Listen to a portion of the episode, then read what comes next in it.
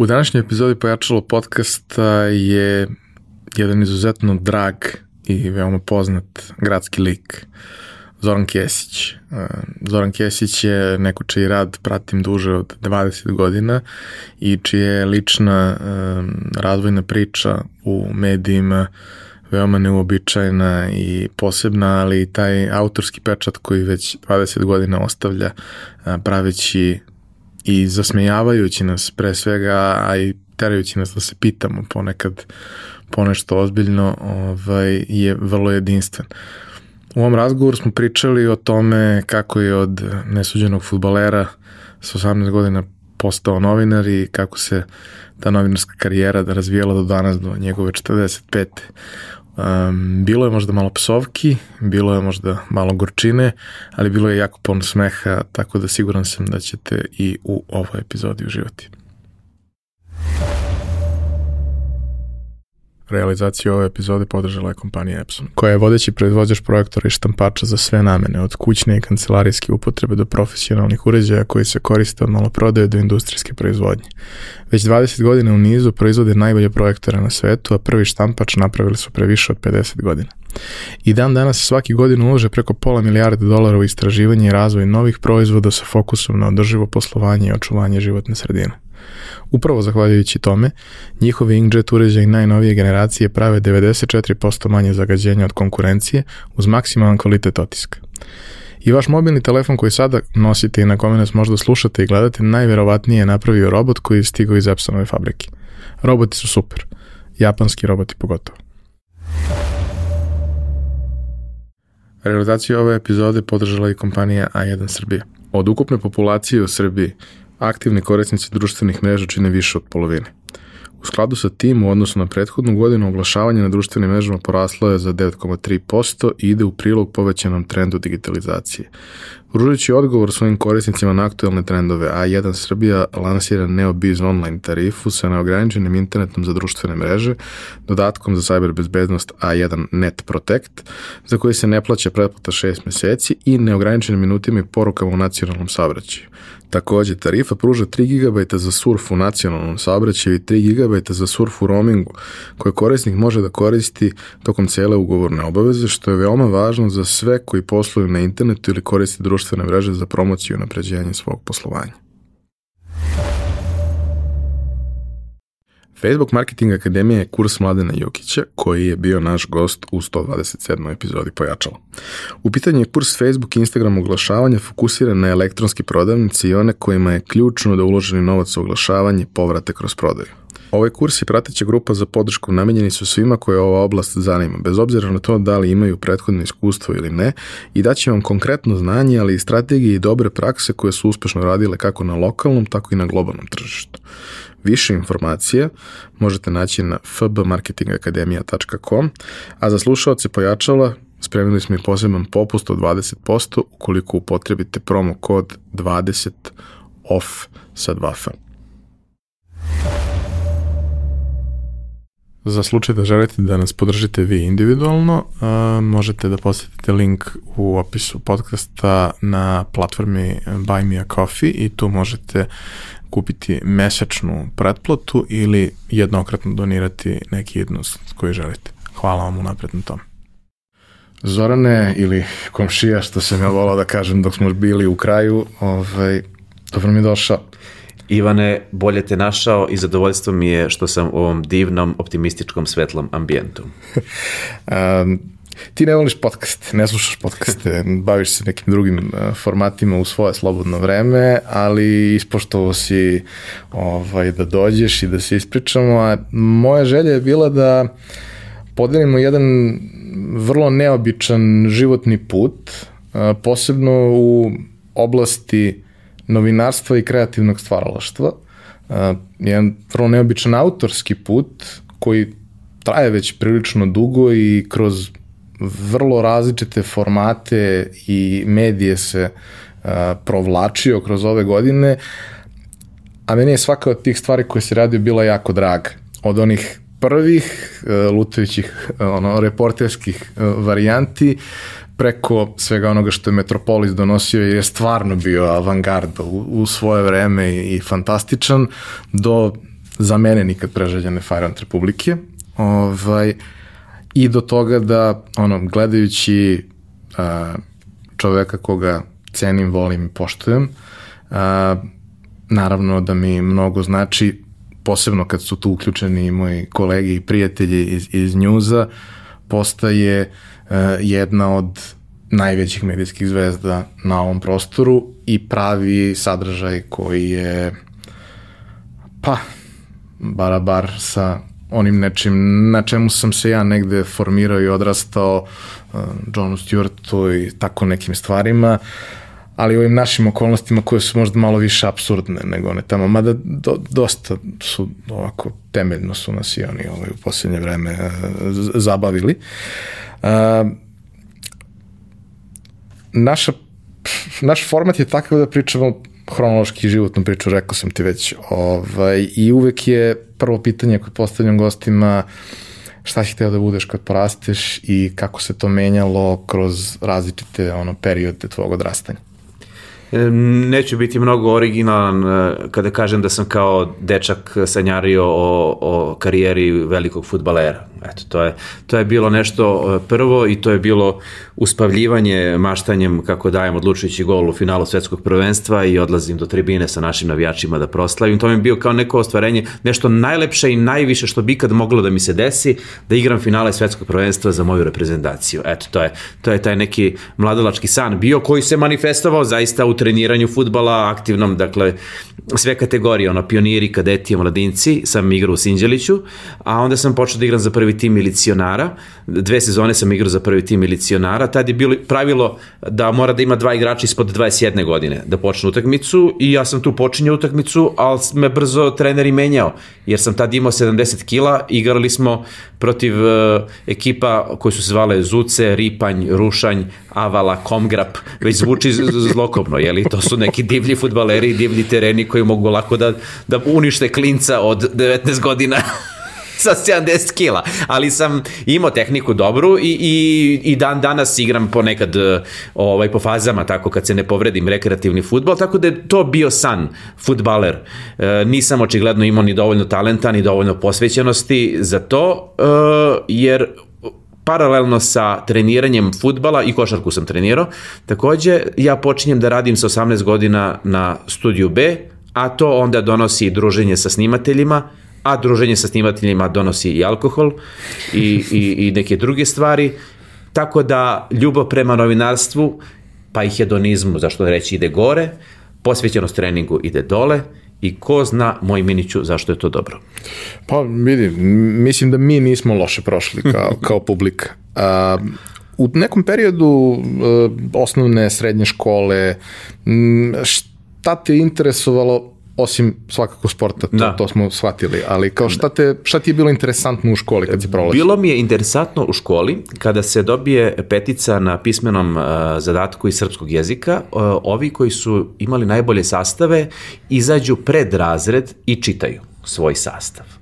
Ja sam uh, imao motivaciju da dobijem peticu, da bih izašao pred razred da čitam. Volao sam trenutke tih malih školskih nastupa pred razredom, da ja pročitam, a onda već kad čitaš, glupo da čitaš nešto, neki njanjav sastav, neki strejterski, štreberski sastav. Tako da sam ja se trudio da pišem neke sastave koji su bili možda u duhu onoga što me tada ložilo u literaturi. Konkretno sećam se uticaja, jakog uticaja Danila Harmsa, uh, jednog divnog ruskog književnika koji je pisao i za decu i pisao je neke absurdne kratke priče koje se zovu slučajevi.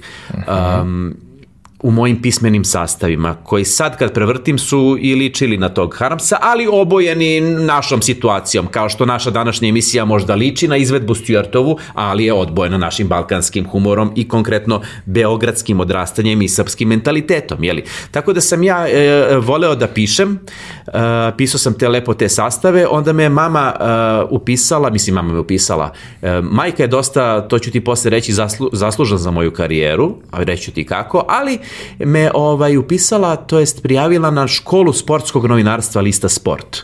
I ja sam tu uh, išao, uh, novinari su nas dolazili, obučavali nas 15 16 kako se piše vest, uh, reportaža, sportski izveštaj i to, tako da mi je to bilo prvo iskustvo, tad sam bio druga ili treća godina gimnazije, kad sam išao u sportovu školu sportskog novinarstva, dakle pisanje. Sjajno. A, da li je u, u, u tom nekom periodu, osim majke, a daćeš nam mm -hmm, više detalja da. o tome, da li je postao još neko ko je bio onako značajan pozitivan ili negativan uticaj na tebe i na tvoje formiranje i na tvoje interesovanje? Ono, da li je postojao uh, neko u porodici, okruženju, komšija, neko u, u uh, nekom širem okruženju na koga si se ti ugledao i ko ti je bio interesantan, da li si imao neke sportske idole, ko ti je bio omiljeni futbaler i zašto? Uh, pa ajde, od ovog omiljeni futbaler mi je bio uvek uh, Pixi, uh, zato što je on naš najbolji futbaler svih vremena i takva prefinjenost je danas redko, redko je sresti ima igrača naravno možda u najboljim trenucima Azar ili um, nije to već Messi ali Azar jeste taj prijem lopte pregled situacije ta ta mekanost ta tananost ali ali ali pravovremenost ta genijalnost se redko sreće i Pixi je moj idol bio i ostao, ali uh, ovako nevezano za sport uh, je kome, kome inspirisao i, i, i gonio na, na delanje je Slobodan Milošević. Slobodan Milošević, ja sam postao svesno političko biće dosta rano. Ja se da smo mi u školi, još u osnovnoj školi, uh, pisali statut izmišljene srpske školske stranke, SŠS. Moj drugi iz klupe, neki Lalić je bio ovako više za Šešelja, ja sam bio nekako više za Vuka, jer ta, bila ta opcija, nema, nema treće. Eventualno Mirko Jović, ali ko se seća. Tako da ovaj, smo mi pisali taj statut. Odlazio sam na mitinge, opozicije, e, kupovao sam srpsku reč, lepio sam postere SPO-a u sobi, na novogodišnjem vašaru na Beogradskom sajmu kupio sam masku sa likom Vuka Draškovića, Stavio sam je na glavu, došao sam kući oko 9-10 uveče, zvonio sam na vrata mojoj baki Milanki, koja je volela slobu, nikad nije priznala, ali o da, volela ga je. Baba otvara vrata u 10 ujutru, u 10 uveče, ne zna ko je. Ugleda Vuka Draškovića. Gde si, baba? Ja sam ovako, skidam masku. Da, tako da, politika je bila nešto što me, što me od malih nogu nekako ložilo i neki bunt, nisam slušao muziku recimo pa kao neki slušaju Azru, neki slušaju ne znam Pistolse, neki slušaju Pekišku patku, neko ovo, neko ovo, disciplinu kičme. Ja ništa nisam slušao, samo sam hteo da budem prvi koji će pipnuti obruč, koji će zakucati, koji će dati gol na školskom takmičenju i politika na mitinge. Sa majkom u prvi red, vuče mi u prvi red mitinga da bi bolje video. Tako da to je nešto što me ložilo, inspirisalo inspirisalo e, ovaj, e, a, politika i već se tu možda moglo nazreti šta će se dalje dešavati sa mnom. A taj moment kada si počeo da, da radiš a, kao još srednjoškolac na, na studiju B, kako je to izgledalo? Mislim, studio B nekad izgledao dosta drugačije nego danas. Pa jeste, pazi, Studio B je uvek bio pod većim ili manjim uticajem onoga koji je na vlasti pre svega u gradu. To je gradska uh, kuća i, i na Sisi je gradsko i tako da, ali, ali je bilo perioda gde je Studio bio zaista nezavisna, tako se jedno vreme zvao NTV Studio B. Ja sam kao klinac gledao Studio B i maštao da bi jednog dana bilo lepo da radim na Studio B. Slušao sam i radio B92, kasnije sam i to ostvario da radim na televiziji B92, ali na Studio B, vraćamo se na majku, me prijavila na audiciju e, mama. Dakle, e, oglas je bio, e, pozivamo mlade novinare bez iskustva, za prijem u, u redakciju novoformiranog jutarnjeg programa Beograd dobro jutro, urednika Đoke Vještice, legendarnog Đoke Vještice. Prijavio me majka, ja se sećam, ja sam sa prijemnog za DIF, gde sam konkurisao i bio ispod crte, išao na audiciju za Studio B gde sam bio iznad crte i primljen. Dakle, nisam uspeo da upišem DIF, uspeo sam da upišem Studio B i postao takozvani kako su me zvali Mali Đokin, reporter. Uh, to su komunalne teme, to je pijaca, to je zeleni venac, to je lukac, kajmak i beli luk. Na zelenjaku kad dođemo pa već, o, evo ga naš Zoki sa studija B. Pa nije bilo miniću situacije da se mi u redakciju u 10 ujutru vratimo, a da, si, da nam nisu pune kese paradajza, luka i svega. Toliko su me voleli. Jednom smo, sećam se, pošto su bili uh, live uključenja u program, mi nosimo neki link veliki i možemo direktno se uključimo samo ako je optička vidljivost. Dakle, ovaj Pera Linkman gađa sa tim linkom Beograđanku, ovaj gore kaže malo pomeri levo, desno, e, dobro je, dobro je, e, tako, ne diraj ništa, link stoji i kaže za 3 minuta ste u programu, samo se završi razgovor u studiju. Završilo se već program do 10. Ovo je već 10 i 5, a mi gladni. I mi se dogovorimo da isfingiramo direktno uključenje sa pljeskavičarnice. Malo da popričamo o cene pljeskavice, šta ljudi najviše stavljaju, a lepo objasnimo ovom gazdi da će se vidjeti firma pljeskavice na Zelenovencu i to je lepa reklama. I super. I mi odradimo, fejkujemo celo uključenje. Nikad nije bilo u programu. Ja se ispričao sa vlasnikom 5 minuta, brate. 5 minuta. I kad, smo se to, kad se to završilo lepo, on kaže, hoćete da pojedete nešto? Ma ne, ne mora, ne mora, ajte, ajte, ajte, ožderemo se.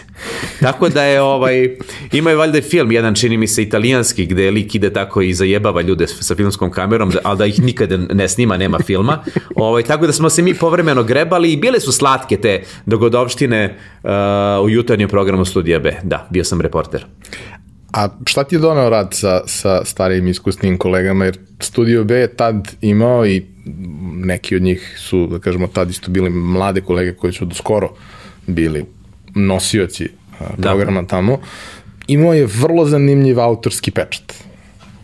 Nije to baš bilo karakteristično u tom periodu, posebno ne za suštinski malu televiziju. Jeste to bila gradska televizija, ali je bila mala, male redakcije, ali dosta nekog zanimljivog autorskog programa koji Pazi, je imalo smisla gledati. Studio B je jako uh, lokalna televizija funkcionisao, ja mislim, kao neki mali RTS. Dakle, uh, podela po redakcijama, kulturna redakcija, sportska redakcija, spoljna redakcija, sve kako treba da ima prava pravcata televizija.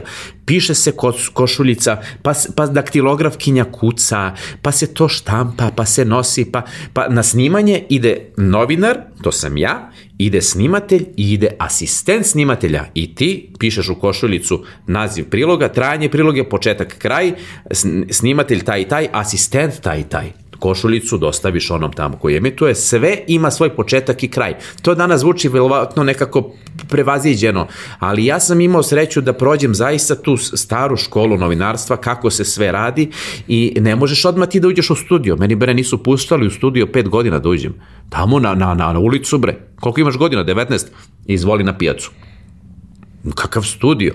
Nisam ni primirisao studiju tek kasnije u nekoj emisiji Svetionik koju, koju sam vodio, nebitno. Ali ovaj sam uh, imao uh, priliku da sarađujem, uh, da učim od pravih novinara, kao što je recimo Đoka Vještica, koji je velika legenda, koji je tako preslišavao tadašnje gradske čelnike da su se oni plašili njega na radiju, na radiju, možeš misliti radio, koja težinu danas ima radio, šta slušaš u kolima eventualno da prođe vreme. Ali tada je to imalo težinu i zaista sam ovaj imao sreće da, da, da on bude moj prvi urednik i istovremeno sreću i da se svađam sa njim, da ja imam neke svoje autorske izlete koje on tada ne, možda nije razumeo, da ja kršim zakone novinarstva, da se poigravam sa televizijskom formom, što, što sam morao da radim.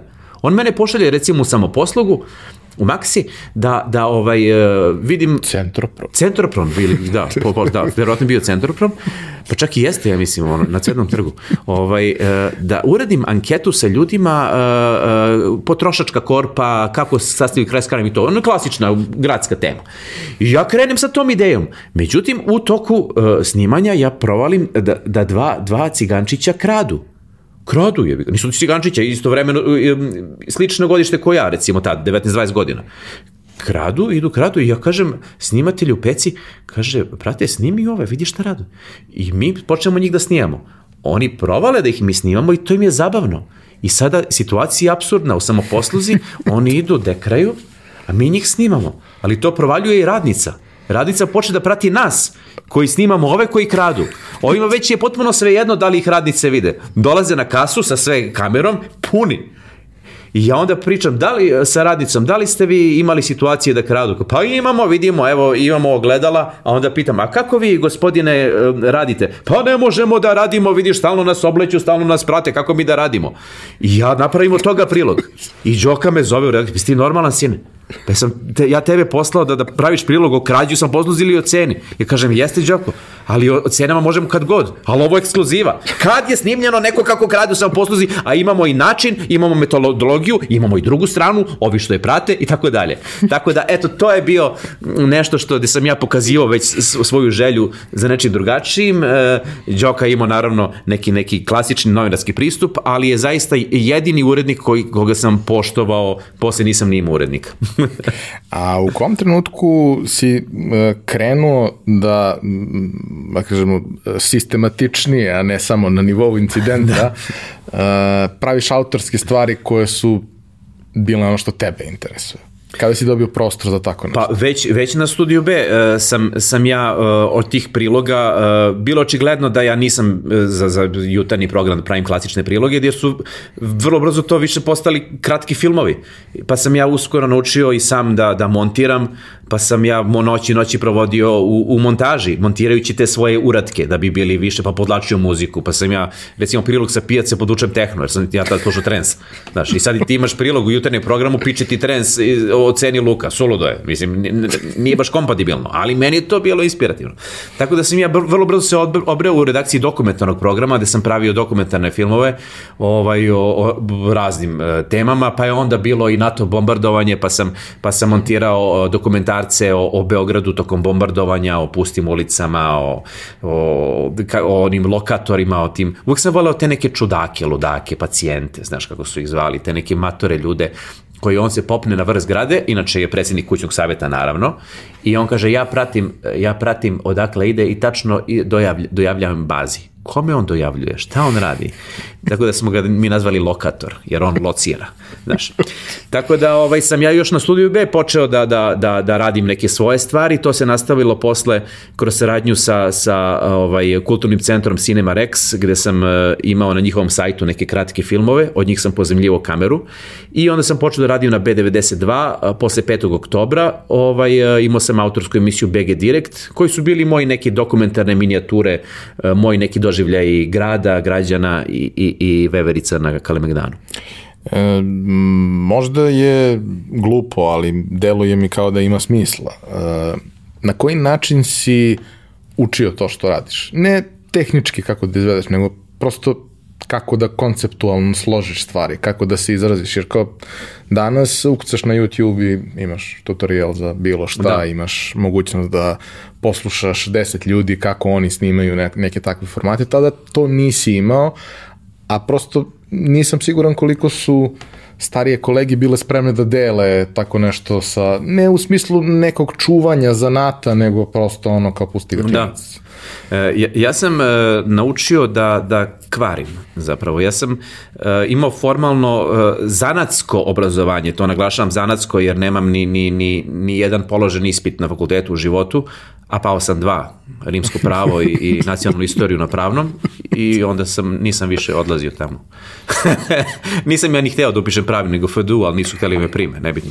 Ovaj, dakle, imam zanat, imam novinarski zanat koji, koji sam e, učio i dalje da ga učim, naravno to se uči ceo život, ali sam one osnove naučio i ja sam onda znao kako da napravim ono što se od mene očekuje i pravio sam, ali mi me, nije, nije mi zadovoljavalo moje, kako da kažem, želje za, za kreacijom, pa sam onda inspiraciju nalazio u muzici koju sam tada slušao, pomenutom Tehnu i, i Prodigy-u i Underworldu i, i, i Transu i Chemical Brothersu, pa sam uh, više priloge posmatrao kao mogućnost da napravim neki spot, da imam ja intervju, neku izjavu, ali onda se to izrodi u, u neki spot, pa se vratimo u intervju, pa to bude neka moja forma, nije ni prilog, nije ni spot, nego nešto, nešto između.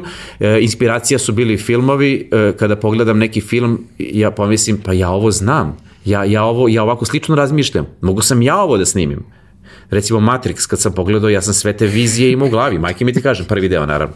Ja sam sve to znao Ja sam, ja, ja, ja sam već to montirao, samo što nisam uspeo da snimim. I tako, e, to je bila inspiracija. E, e, filmovi, muzika, književnost i potreba da, da konstantno eksperimentišem sa predviđenom formom. Čak i da, da bezobrazno rušim ustaljene standarde, ne bi li ih stvorio nešto novo. Pa po cijenu da to novo ne uspe, da bude krš, ali mi je zanimljivije da pokušam nešto novo nego da radim, kako da kažem, po, po, po nekom ključu. Eto, to je, to je bila samo potreba da rasklopim igračku.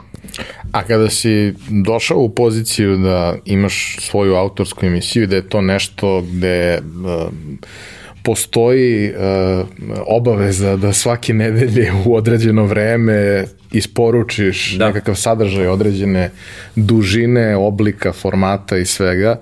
Uh, kako je to bilo u odnosu na ono kako tvoj dotadašnji mozak radio? Da, pa uh, prilično rano sam ja stigao do, do autorskih emisija uh, i, i, i do navike da, da moram da, da dostavim proizvod. E, ja sam recimo na 92-ci već kad sam 2000-te sam došao na televiziju koja je tada i počela, do tada je bilo samo radio BDS2, a televizija je počela 2000-te, ovaj, dobio autorsku emisiju BG Direct, dakle ta, ti neki moji, e, kažem, dokumentarni, dokumentarni zapisi u trajanju slobodnom od 10, 15, 20 minuta. Ta sloboda mi je bila super, da može traje 10 minuta, može traje 25 minuta. Moglo se tako. Tako da je meni bilo uh, i izazov i uživanje šta ću ja novo da napravim za sledeću nedelju. Već sam tada, dakle, kao, kao momak od 24 godine, e, imao taj ritam e, jedne autorske emisije nedeljno, pa je onda posle to bila ovaj, na, na Metropolisu je bio prekid programa, e, talk show, e, kontakt program.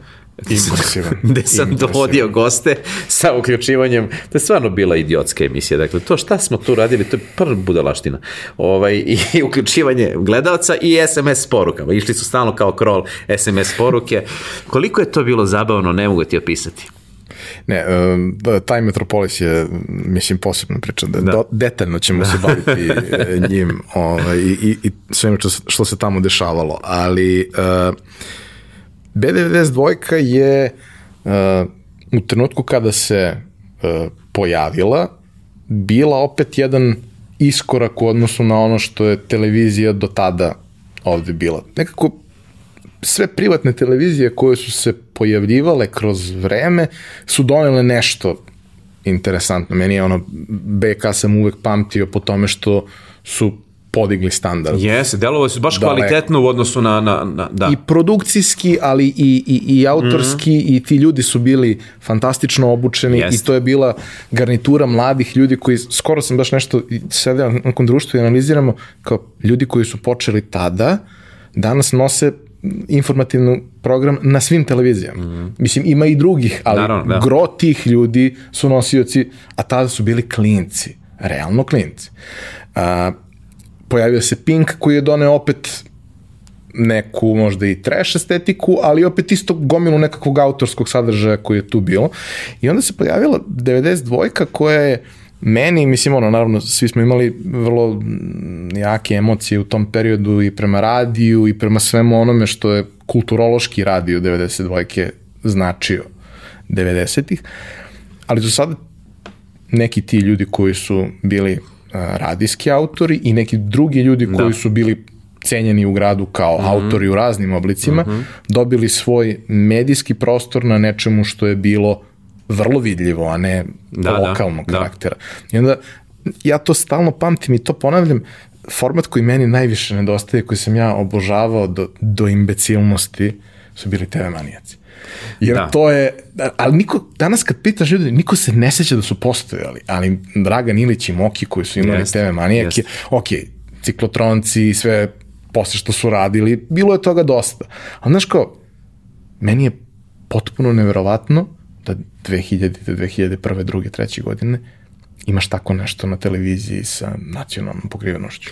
Pa, e, televizija B92 je u početku uh, uh, sledila urbani duh, reći ću tu reč iako je izvikan, ali, ali zaista u dobrom smislu te reči. Ako urbani podrazumeva sa osjećajem za, za, za pulsiranje grada, ako to znači urbano, ovo znači Beogradski duh radija B92, dakle uz pomenute manijake, I, i ciklotronce i, i Maju Zelac sa kulturnim nokautom i, i e, sjajnim nekim emisijama Čirilo je imao svoj, svoj serijal predgrađa. Mislim, mm. zaista neki gradski urbani likovi koji su se sa radija preselili na televiziju i bila mi je zaista čast da sam u takvom, u takvom ovaj okruženju čak i mimo ovih autorskih emisija, informativni program, uh, Jugoslav Ćosić, uh, um, Jelena Kosanić, dakle neki stvarno ljudi sa kojima je čast uh, raditi, ali uh, nažalost uh, kada je nakon uh, smaka Slobodana Miloševića je se Slavi, Slavina je, je presušila uh, donacija uh, radiju i televiziji B92 i morala se krenuti trka u gledanošću sa pomenutim Pinkom. I tu kreće zapravo ono što se kasnije desilo, a to je uh, smak eh, B92, obarem onog ka, kakvim ga volim. Meni je u jednom trenutku mi je urednik kulture tada rekao, ja sam tada imao emisiju o paranormalnim pojavama, Viša sila. Divna jedna emisija ezoterija, nema, nema ko ne voli dobru ezoteriju i, i, i bele magove i, i veštice iz Barajeva, to je zaista ono, milina gledati subotom ili nedeljom u 11 uveče.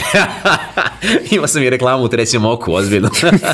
Slogan mi je bio, ovaj, kako je bilo, da, um, s, zaboravio sam, nebitno, setit ću se. U svakom slučaju, uh, rekao mi je urednik, uh, očekujte neočekivano je bio slogan, da. Um, mi te, tebe svi volimo, ti si DTB92 i tako dalje, ali vidiš i sam od gore direktiva da moramo da sečemo sve što nije profitabilno. Tako da je u tom talasu i sečeno svašta, ja mislim i kulturni nokaut je otišao i svašta je otišlo i moja mala viša sila je otišla Ovaj, tako da sam ja tu, nisam ja tu tad osetio da će to biti krah 92. Ali je bilo neminovno, ubrzo je uveden veliki brat, reality, mm. uz dužno poštovanje formatu reality programa koji nije ni, ništa novo, ali čak i taj prvi veliki brat bio zabavan, nije bilo, bilo je smešno. Kasnije, u što se to izrodilo je katastrofa, a eto, počelo je kao, kao neminovna trka za, za gledanošću i sve te male autorske emisije su gasnule, gasnule i polako ugasnule. Uh kako se ti snalaziš u, u, u toj celoj situaciji? Mislim, ti si već prilično profilisan i opredeljen, već neko vreme se baviš time, pokušavaš da ono, pronađeš nekakav prostor za, za svoj izraz, a za to baš i nema previše sluha. Odakle priča sa Metropolisom? Priča sa Metropolisom dolazi tako što me je e, Dušan Kaličanin, e, e, tehnokratija, pozvao da dođem. On je tad radio kao muzički urednik, ja mislim, na, na Metropolisu. I još me zvao dok sam ja radio na, na radio na BDS2 autorsku emisiju, pa je bilo da li da paralelno radim na maloj televiziji Metropolis i u to vreme velikoj BS2, ali nisam mogao prosto. Ja sam rekao ja radim na BDS2, ako u nekom trenutku ne daj Bože ne budem radio, evo javit ću ti se. To se i desilo ja sam primljen već kao zvezda na Metropolis, na kome su tad radili neki mnogo zabavni i, i, i šareni ljudi. Recimo, radio je Galeb, on isto ima podcast. Radila je uh, Ana Mihajlovski, koja je posle vodila razne emisije i poznato TV lice. Radila je Ivana Bajić, jedna mnogo zabavna devojčica koja sad ne znam gde, gde, gde živi. Radila je jedna Zorana. Radio je, radio je Zec, koji je bio tehnički direktor, koji, koji fotografisao sve žive eh, rock and roll događaje i čovek, pola čovek, pola, pola baza slika i, i video, video snimaka i svega. E, to je bilo fantastično okruženje, radili su fenomenalni montažeri, kreativci, sa kojima sam ja tek tad upozno čaroliju šta sve možeš. Ja sam znao sam da montiram, ali ovo je bio, bila nadgradnja. Bilo je okruženje pogodno da se, da se u svakom trenutku, kada ode direktora, to je već oko 4-5, uzme gitara, siđe dole na terazije, kupi neko pivce ili vince, sedne na terasu koja, sa koje se vidi uh, reka i ceo grad, tačno iznad McDonald'sa, da se zanemari smrad McDonald'sa i friteze i da se zasvira i da se pije i da tu dođe i poznat muzičar i da dođe i Kojot iz Iceburna, da dođe Ajsni Grutin. Svratila jednom i Ksenija Pajčin i ja pitam jesi ti prava Ksenija Pajčin? A ona kaže znam ti si ona iz Ebant. Upoznao sam Kseniju Pajčin na, na terasi ovaj, Metropolisa i da, bila je toliko lepa, kako se svi sećamo. E, vrlo kreativno okruženje koje je izrodilo sjajne male emisije i velike i, i bilo mi je zadovoljstvo tu da radim. Fenomenalno. Tu, baš se lepo seća Metropolisa. A kako je uopšte bila postavljena ta, ta priča organizacijno? Kako je to funkcionisalo? Čega se finansiralo? Šta su bili ciljevi televizije u tom trenutku? ja ne znam, ja, ja, televizija Metropolis je bila vlasništvo Megatrenda, odnosno Miće, profesora Miće Jovanovića, čuvenog Miće Jovanovića. Da, ovaj, koji je by the way hteo da me tuži kad sam odlazio s Metropolisa na Fox. rekao je, rekao je Kesiću, telefonski razgovor, Kesiću, imam devet najboljih advokata, tužit ću vas. Znači, pičkaranje, ali na vi, tužit ću vas. Ja rekao, profesore, da dajte mi barem jednog, ja nemam ni jednog advokata, pa bar da bude. Zato što ja kao njemu nisam najavio da odlazim na Fox. Možeš misliti.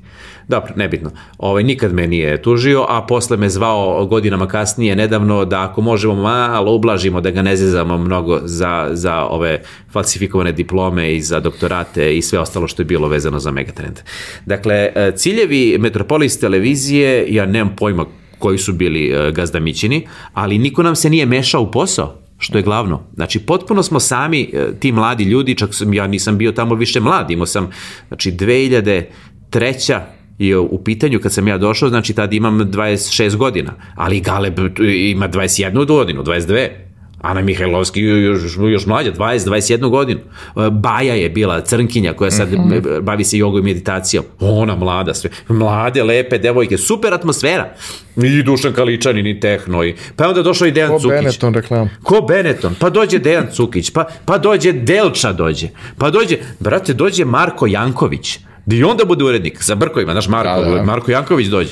Odjednom se pojavljuje u nekom trenutku i, i Dragan Kojadinović i njegova žena Danka Kojadinović, koja je znala pre 100 godina sa Tutujo B. Otkud vi ovde? Dakle, jedna šarenica ne, nenormalna, ali niko se nama nije mešao, tako da je sve to nekako funkcionisalo po nekoj blesavoj inerciji druženja, zezanja, eksperimentisanja. Svi su voleli da eksperimentišu i da pomeraju granice. Ovaj, tako da je to bilo, ja sam radio tamo pet godina radio sam prekid programa emisiju, taj kontakt program, e, u okviru koga su bile neke e, kretenske vesti, koje su se posle izvojile kao ozbiljne vesti e, i konačno sam radio dezinformator. To su bile tri emisije koje sam radio na Metropolisu. I moram da priznam da sam stvarno obožavao taj period i činjenicu da kao, to je moment kada lagano prelazi iz onih klasičnih stvari koje su se radile na televiziji u nešto što je malo digitalnije. jeste, jeste. Znaš, mnogo više ima nekih da, digitalnih da, da. opcija, ima nekih grafika, jeste, ima nekih jeste, čuda. Da. I nama je to tad bilo MTV. Bukvalno da. MTV. I bilo je genijalno što slušaš neke ljude koji su ti vrednostno bliski, koji su ti interesantni, koji pričaju stvari koje su ti zanimljive, koje se šale na račun stvari sa kojima možeš da se povežeš danas takvih sadržaja u principu nema. I, I mi smo da to osjećali, izvini što te prekidam, ali to je zanimljivo što si rekao, mi smo osjećali uh, da, da naša publika tako nas kapira i to se najbolje videlo u tim kontakt programima, jer stalno je išao, taj Zec je uveo taj, taj SMS da ide taj kroli, pišu i to, ovaj, ali u prekidu programa su se ljudi telefonom uključivali, znaš, bez ikakve kontrole, ko se javi, dobije vezu, taj, imamo li nekoj vezi, imamo, i onda pričamo, on postavlja pitanje meni, gostu, i onda čak kada bih, kada bih ja pravio neki, neki, neki performans u emisiji, e, gledalci su se bez ikakvog dogovora e, uključivali u taj performans, e, kako da kažem, dajući meni podršku, ako recimo zezam gosta u programu ili pravim skrivenu kameru. Pričao sam kod Galeba za, za, za on, kad sam bio Vladislav Petković Dis, kada smo zezali nekog pevača i pevačicu, da se ne ponavljam. Ali nisam pričao za Olju Crnogorac, kada smo Olja Crnogorac i ja bili voditelji i doveli Milojka Pantića. A ja Milojka Pantića ću kažem, pošto on nema pojma šta je Metropolis, ja kažem e, da li biste bili gost emisije Prekid programa, Zoran Kesić je ovde voditelj i pozvao bih još jednu e, futbaler koja je to možda zanimljiv kuriozitet iz Mašinca, kluba ženskog Mašinac. I, i Milojko hoće. Dođe Milojko Pantić gost i gošća Olja Crnogorac, prvoptimka mašin, Mašinca. Ali Olji, Oljica dođe, znači u sportskoj šorcić kombinaciji vrlo atraktivno i sad mi imamo Milojka Pantića i gošću. I Milojko ne zna da je u skrivenoj kameri koja ide live, ali gledaoci znaju.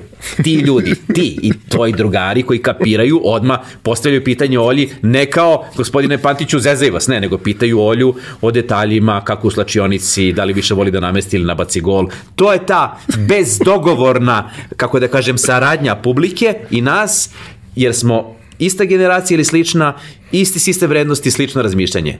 Urbana priča povremeno sada može da se sretne nešto tako na nekim radio stanicama, ali i to ni blizu onako kako je, kako je bilo. Ja sam slično tome video uh, na Hrvatskoj jednoj televiziji, uh, nažalost cenjeni kolega Malnar više nije sa nama, ali njegova noćna mora je zaista, ja bih rekao čak i, i prevazišla uh, ludilo i, i, i granice dobrog ukusa koje smo mi često prelazili u prekidu programa. Ali on je baš bio fokusiran nekako na ispitivanje uh, ludosti i, i graničnih nekih ljudskih karaktera. uh, taj moment kad uh, ti postaješ uh, u jednom džepu kulture i, i, i jednog uh, u jednoj starosnoj kategoriji u kojoj si plus minus 5 godina postaješ gradska faca i svi ti mladi ljudi postaju vidljiva lica kasnije sa impresivnim karijerama i evo Galeb da. ima podcast, nije, nije mala stvar. Ovaj, uh, kakav je to osjećaj? Jer kao, uh, ok, imao si sve te momente i kroz uh, ovo što si radio da. prethodno, da, ali da. ovde si mnogo više uronjen nekako u, u te ljude, mnogo da. češće imaš kontakt i feedback i plus, mislim, sve se dešava u centru grada i da, da, to sve... je bilo mesto gde se svraćalo. Tako je, prosto. tako je a i vi ste svraćali mimo toga, mislim, Naravno. u životu. Pa, pa, pa pazi, ja sam e, još na studiju B e, kao klinac osetio e, mrvice popularnosti. Kada, kada, kada sam kao reporter radio te gradske teme i neke probleme komšija naših sugrađana i onda su oni zapamtili mene, a to je onaj mali i zvali redakciju, može li mali Zoran Kesić da dođe kod nas, evo ima bespravno nam se ruši vešernica i komšija hoće to i to. I onda odem i babe se žale i ja snimim i na kontu toga dobijem dobijem pozitivne poene, tako sam ja bio popularan, e, naravno, ne kao kasnije, i na studiju B, tako da nije mene šokiralo i, i, i zatekla ta neka popularnost u, u, u gradu koju sam stekao na Metropolisu. Zaista na Metropolisu ja sam stekao popularnost, jer sam se mnogo više pojavljivao pred kamerom i u prekidu programa sam ja bio voditelj.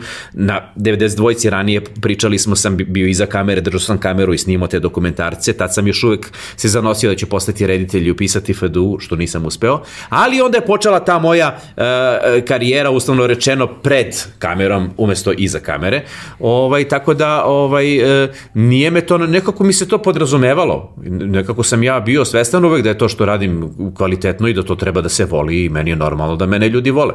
Mene čudi kad se to nekom ne sviđa i dan danas. Ja se zapitam šta je s ovim čovekom. A, taj odlazak na Fox i pravljenje jednog opet novog formata, weekend formata koji je ono late night show, ali na malo drugačiji način od onoga kako je to uobičajeno funkcionisalo. Odakle ta inicijativa, kako je došlo do te saradnje, koliko je trajalo uopšte? Pa, uh, Fire Republika je trajala od 2008. do 2011.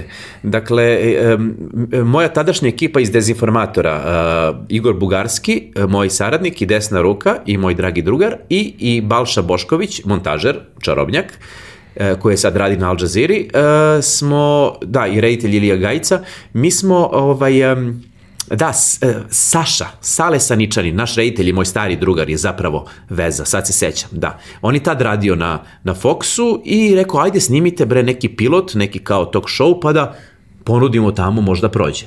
I mi smo na Metropolisu snimili uh, taj pilot, a uopšte nismo rekli Metropolisu da, da to snimamo za koju namenu, nego kao krećemo novu emisiju koju smo nazvali Klub zatvorenog tipa.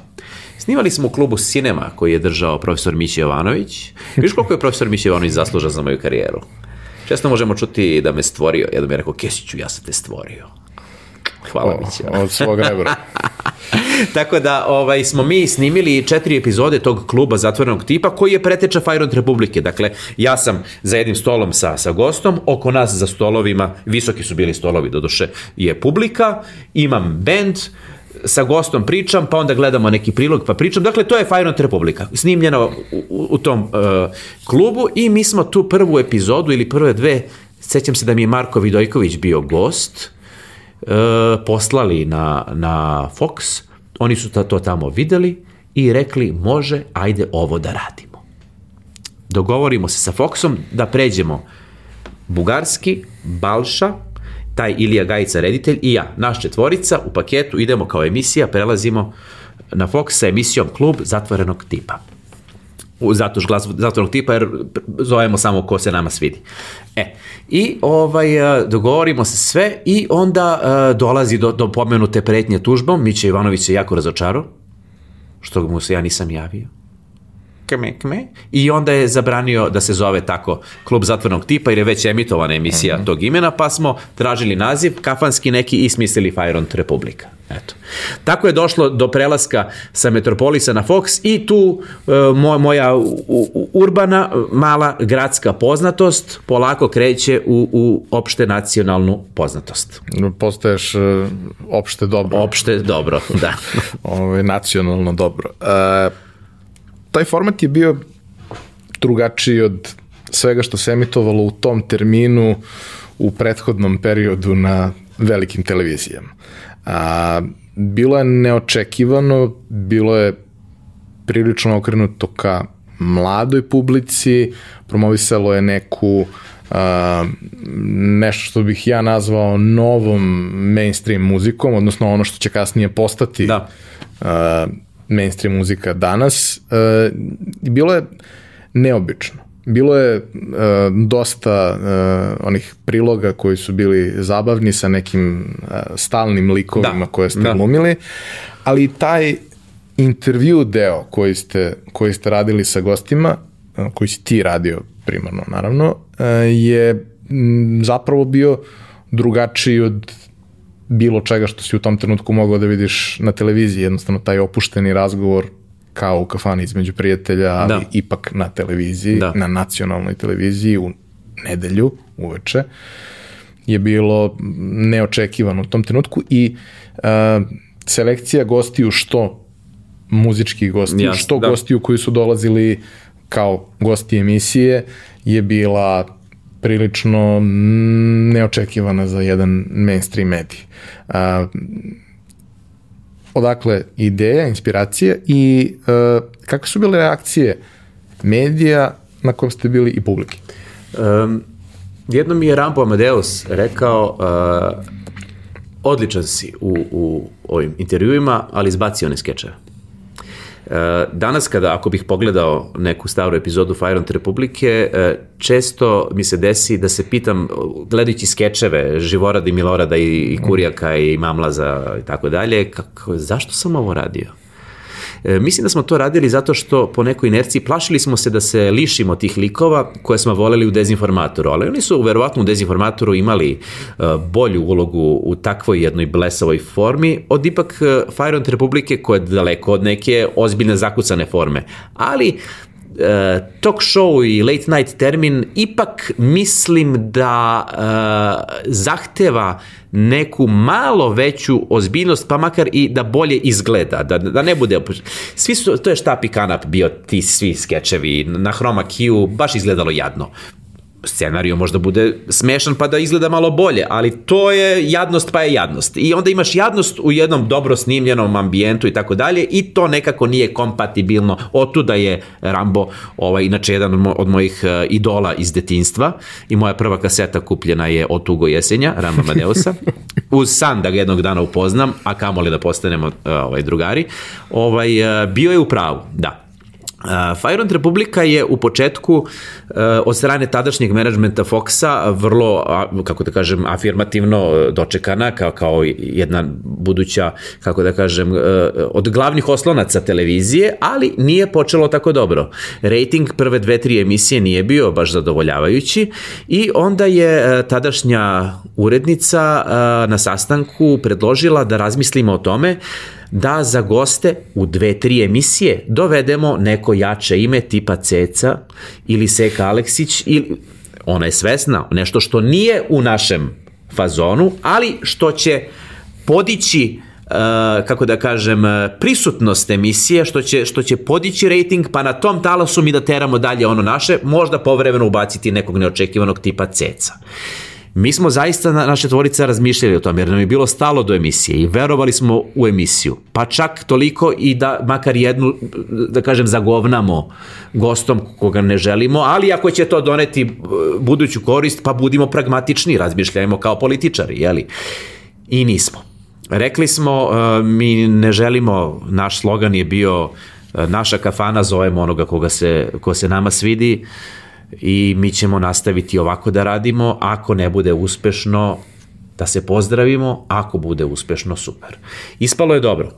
Nismo odustali od naše ideje. Pazi, e, bilo je tu možda gostiju koji, koji nisu baš se uklapali u neki fazon koji bi bio očekivao na Metropolisu, recimo. Bila mi je Ivana Jordan gošća, znaš, i tako. Ovaj, ali onda ja celu epizodu nekako koncipiram u tom nekom, tako, kako, kako zamišljamo njenu muziku kao neka romantična, pa neka muzika sfera, pa tako, čak mnogo, mnogo teatralnije nego što, što bi trebalo da bude. Znaš. E, tako da, ovaj, nismo, nismo ovaj, uh, potpali po taj taj izazov da, da, da se zagovnamo i uh, us, uskoro je došao i rating i, i, i sve što to ide, tako da uspeli smo, drago mi što smo uspeli u nameri, da očuvamo našu kafanu. A koje emisije ti pamtiš kao najdraže koje si radio, a koje su ti bile možda najznačajnije u tom nekom smislu uh, rezultata koji je da. bilo potrebno ostvariti? Uh, pa, e, bila je dobra emisija sa Sergejem Trifonovićem. Baš je bila dobra, to je sjajna emisija, on je bio raspoložen, mislim, hvala Bogu da je došao, on je, on je, on je ovaj, nešto je kasnio, naravno, Sergej, i tad je bio, znači uvek je Sergej Sergej, i jako je dobro bilo uz improvizaciju njegovu, uz moju nadogradnju, uz da mu se unesem, kažem, pa ti, ti ličiš na šiptarom, koji pa kako ne ličim. Znaš, e, mislim, sad deluje, ne deluje smešno, ali, ali u tom trenutku, znači, bez dogovora, ovo što je meni jako bitno uvek bilo, da se bez dogovora dogovora nešto radi, da osetiš trenutak i samo improvizuješ, uđeš u taj neki mod, jer se dobro razumemo on i ja. Pa je tu bilo i nekih u toj emisiji i specijalnih događaja, kao neka dogovorena naša svađa, pa, je, pa on mene istera iz studija, pa ja onda šetam gradom, upadam u drugu emisiju, emisiju Beograd noću, dragi koleginice Dragani Ćosić, koja naš, nažalost više nije sa nama, pa onda je molim da ona dođe, pa onda izvlačim nju iz njene emisije, dakle tu vidimo i ono moje još sa studija B staro poigravanje sa formom, gde ja ulećem u drugu emisiju, izlačim nje iz druge emisije na drugoj televiziji, dovodi me i ona stvarno ulazi u moju, on seri kaže, oh, hvala Bogu, a on pritom ne zna da će doći Dragana Ćosić. Dakle, tu sam, tu sam ubacio i improvizaciju i, i uh, kvarenje forme i kombinovanje dve potpuno različite te, televizije i skrivenu kameru za Sergeja Trifunovića da mu se pojavi Dragana Ćosić i stvarno je bila efektna emisija. Druga koju bi izdvojio su dve epizode sa Buksov knjige crnogorcima koji su moja braća. E, to, toliko su bili dobri da, da smo morali dve epizode da napravimo, nije prosto stalo u jednu. Ovaj, Zonjo se tukao sa Štekerom, nekom maskotom. Šteker šmeker. Šteker šmeker, koji je tu bio, mi, mi smo dobili neke pare od toga. Međutim, ovaj gubio od batina. Jer je to taj absurdni humor e, njihov preterivanja, on, njemu je samo kliknulo u jednom trenutku da je bilo dobro da se iznabada sa, sa maskotom Štekera. Zašto? Zato. to su bile zaista sjajne epizode gde ne znaš kuda će te odvesti. Zaista ne znaš, to je bio emisija u kojoj ja ne znam kako će, pogotovo kad su takvi gosti. Šta ja dočekam od četvorice ludaka sa Cetinja? Nemam pojma. Pritom, onaj moment koji, e, ono, svi, svi smo ih mi, odnosno, postoji određena publika koja je pratila ono što oni rade i slušala ili da. radijske emisije ili one neke skečeve, reklame, sve što su radili. Ovaj, danas ono, imaju i film i sve to i, i igro si Jesam, da. sjajnu da. ulogu u filmu, moram da priznam. Ovaj, ali taj moment uh, gde su oni realno mm, underground. Jesu. Kultna stvar koju određeni deo ljudi zna jako, jako dobro, mm -hmm. ali taj broj ljudi se Ograničen, meri da. sa nekoliko hiljada možda. U odnosu na gledalce Fajrod Republike je minoran broj ljudi, I ja mislim. ne znaju ljudi na kako oni funkcionišu, kako oni rade. Da. Mnogi ljudi su doživljavali sve što oni kažu ozbiljno, ozbiljno. I ono što je meni bilo potpuno nadrealno kad sam ih upoznao i, i, i kad smo se družili jednom prilikom na nekom događaju koji smo pravili i pozvali ih, koliki su.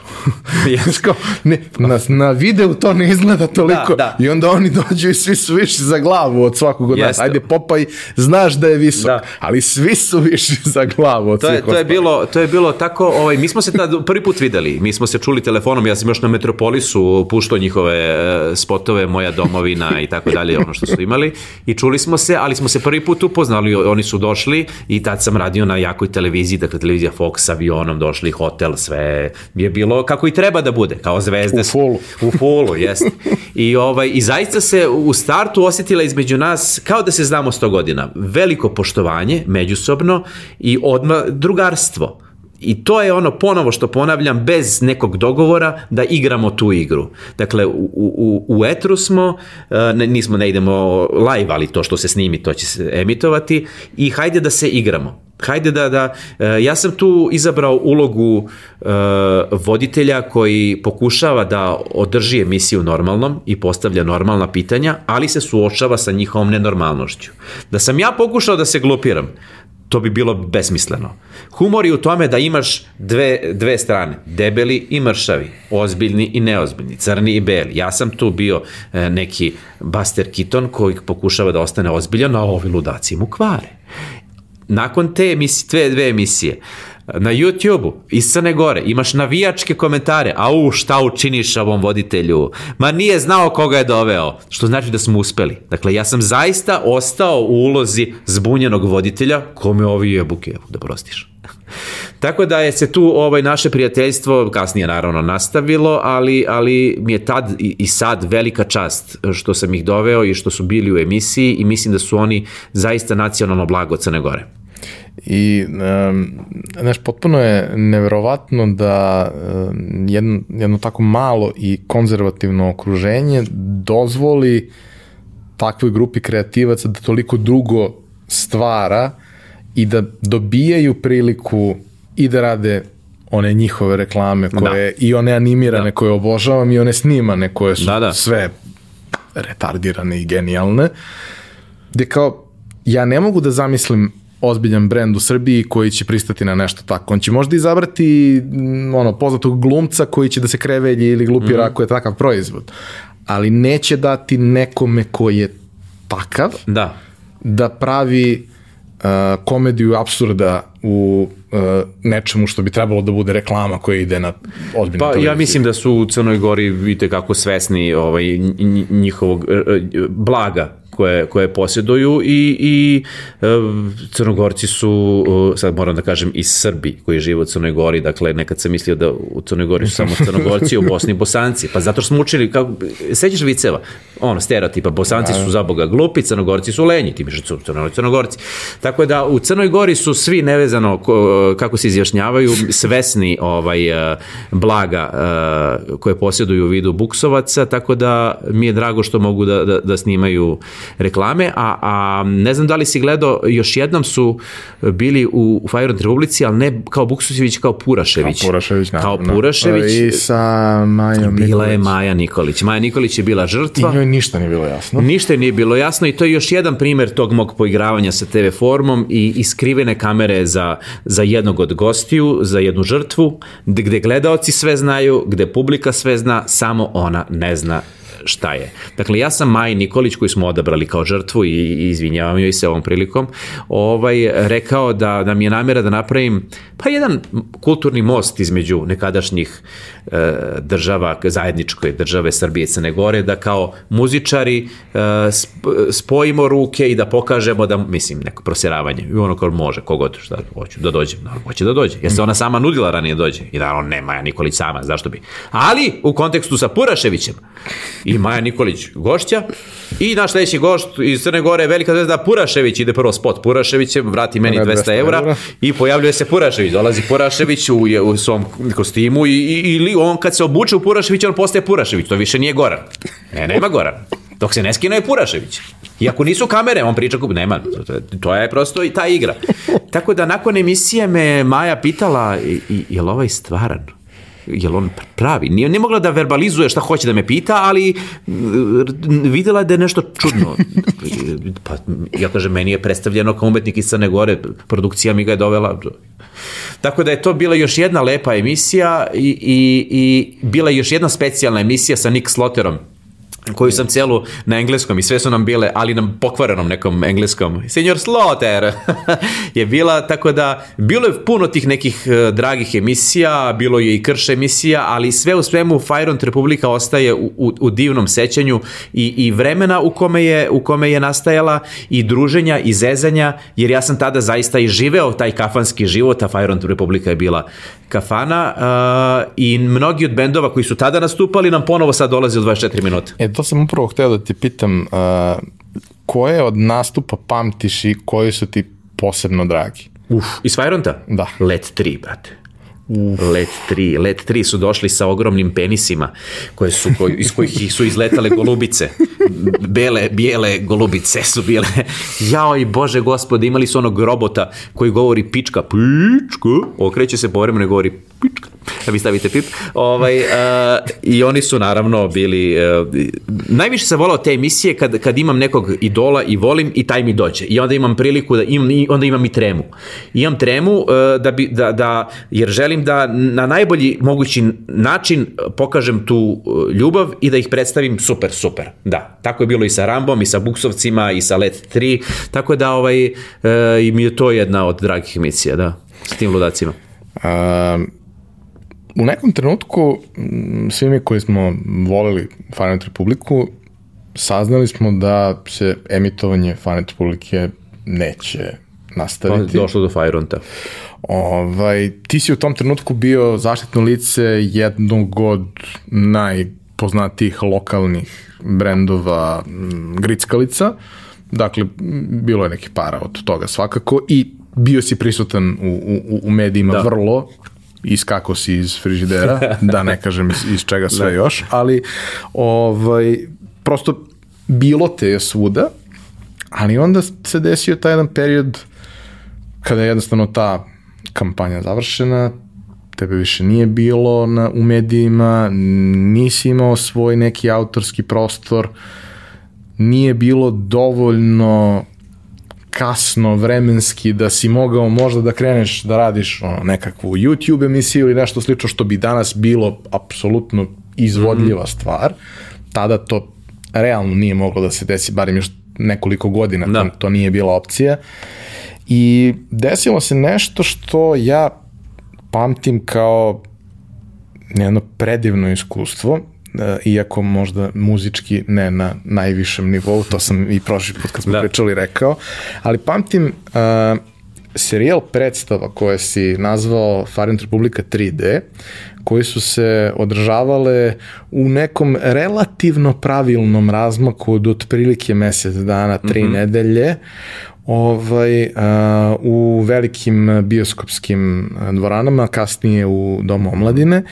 I u svakoj predstavi si imao nekog gosta ili više njih, imao si niz muzičkih numera, prepeva, nekih vrlo mm -hmm. interesantnih i, i, i živopisnih, gomilu nekih skečeva, polu stand-upa, bio to jedan vrlo šarenolik miks, ali ono što je bilo fascinantno je da si ti uzeo da praviš svaki put predstavu od nule. Mislim, Novu. Ok, da. mislim, da. i ono, skoro sam nešto pričao i kao, e, neću sebi oprostiti što nisam u posljednjih nekoliko godina, iako sam stalno to govorio, nisam otišao da ponovo gledam obično veče.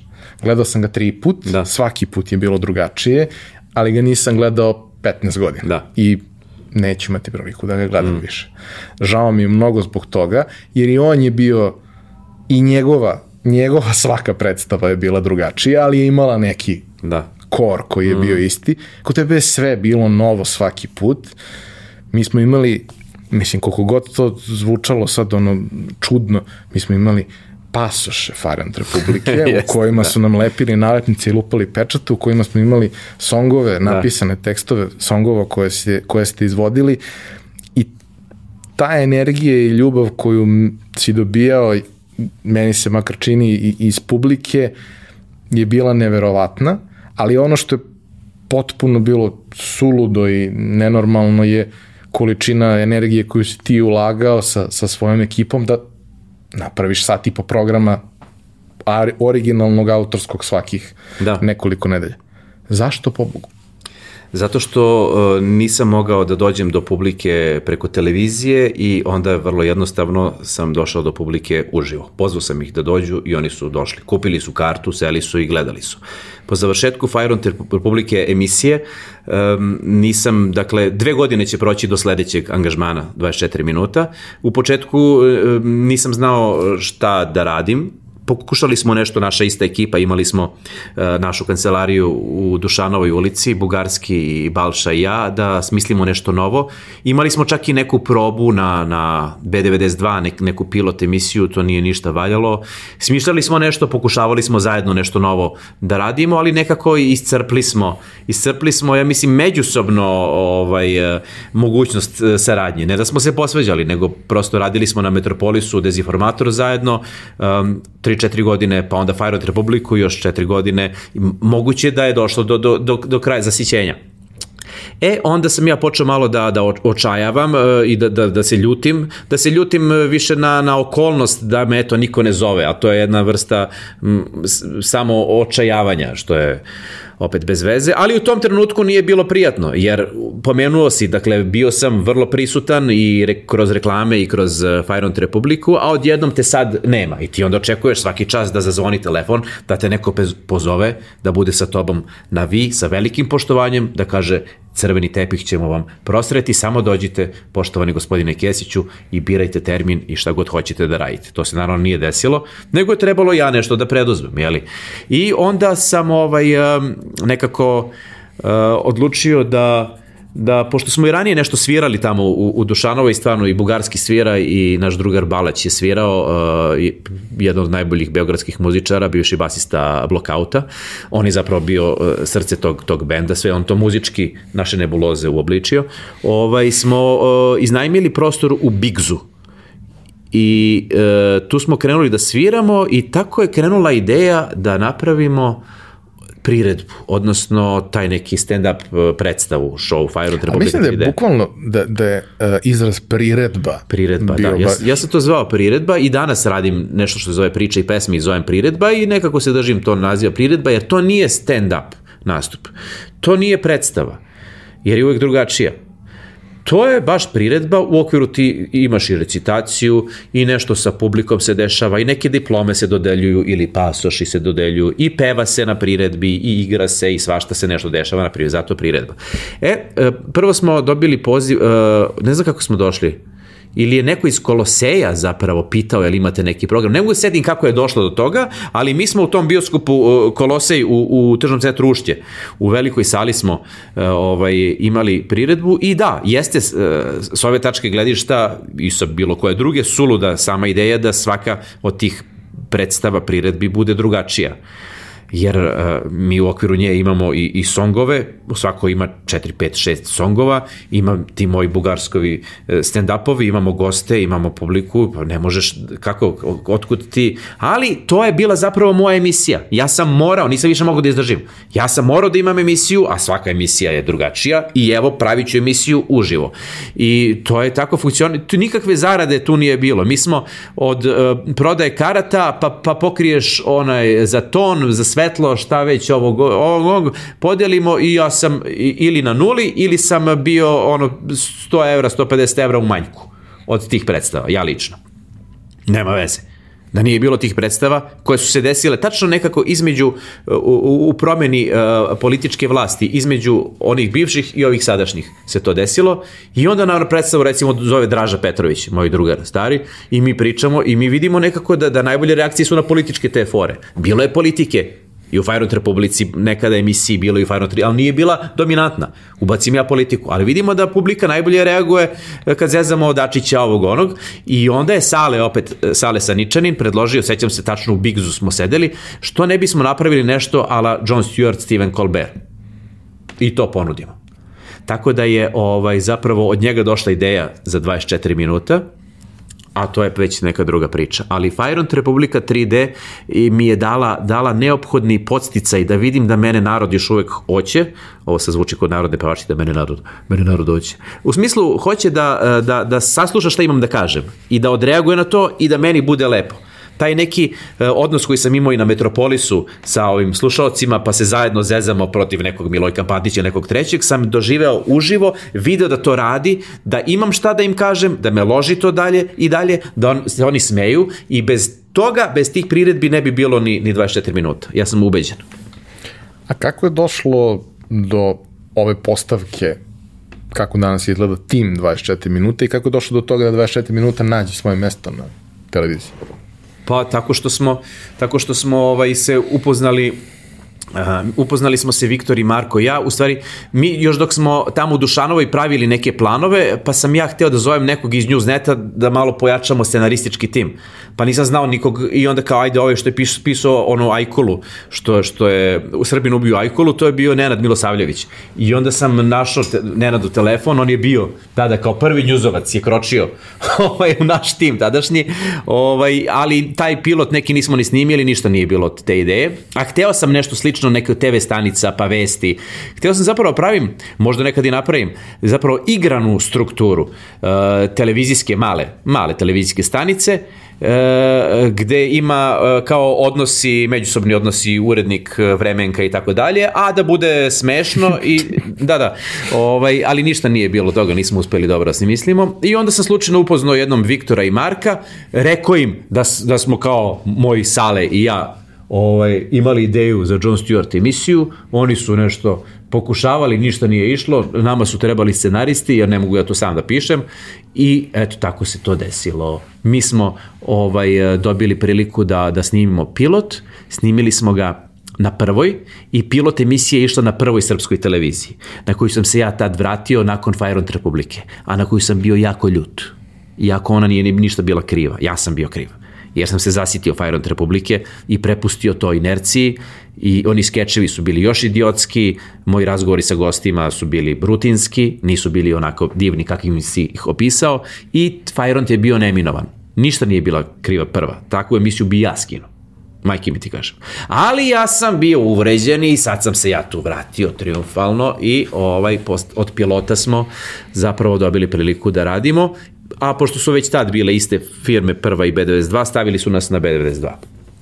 A to je prvi put da ti zapravo um, ulaziš u politički program. Mislim, ne politički program, zabavni pre svega, da. ali sa ono osnovom koja je da. m, absurd političke da. situacije, da. što jeste nešto što je News radio godinama, ali News je opet kultna stvar koja je bila interesantna nama, ono, internet ekipi, gomila ljudi je News doživljavala kao ozbiljan medij, yes, pa da. odgovarala u komentarima, to komentari na News su uvijek bili blago, to i, mislim, i, i Marko i Viktor i Nenad i ekipa znaju da to uvek se screenshotovalo i stavljalo na neka značajna mesta da se to vidi.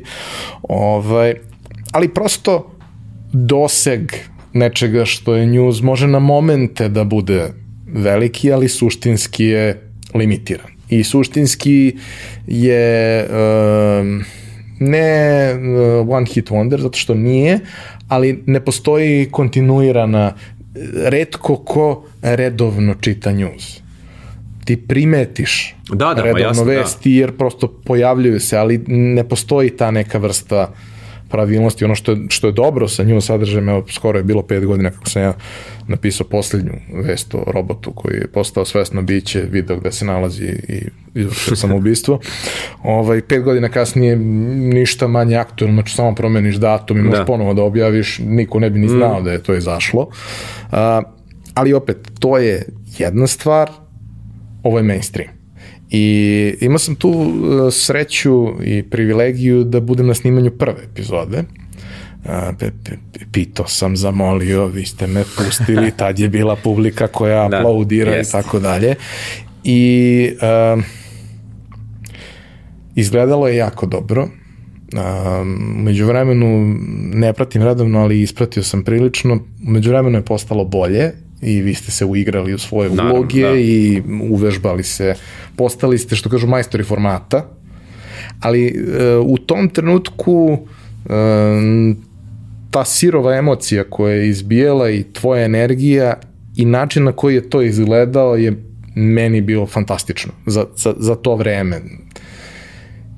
I bilo mi je potpuno neverovatno da tako nešto imaš na nacionalnoj televiziji. Ok, uh, skoro smo nešto pričali u, u, u nekom društvu i, uh, i, i uh, kad je bila i Tanja Vojtehovski pa smo nešto komentarisali, još neverovatnije mi je bilo u periodu pre toga dok smo imali Nikad izvini. Uh -huh. To mi je, to mi je da. tek bilo nestvarno uh -huh. suludo.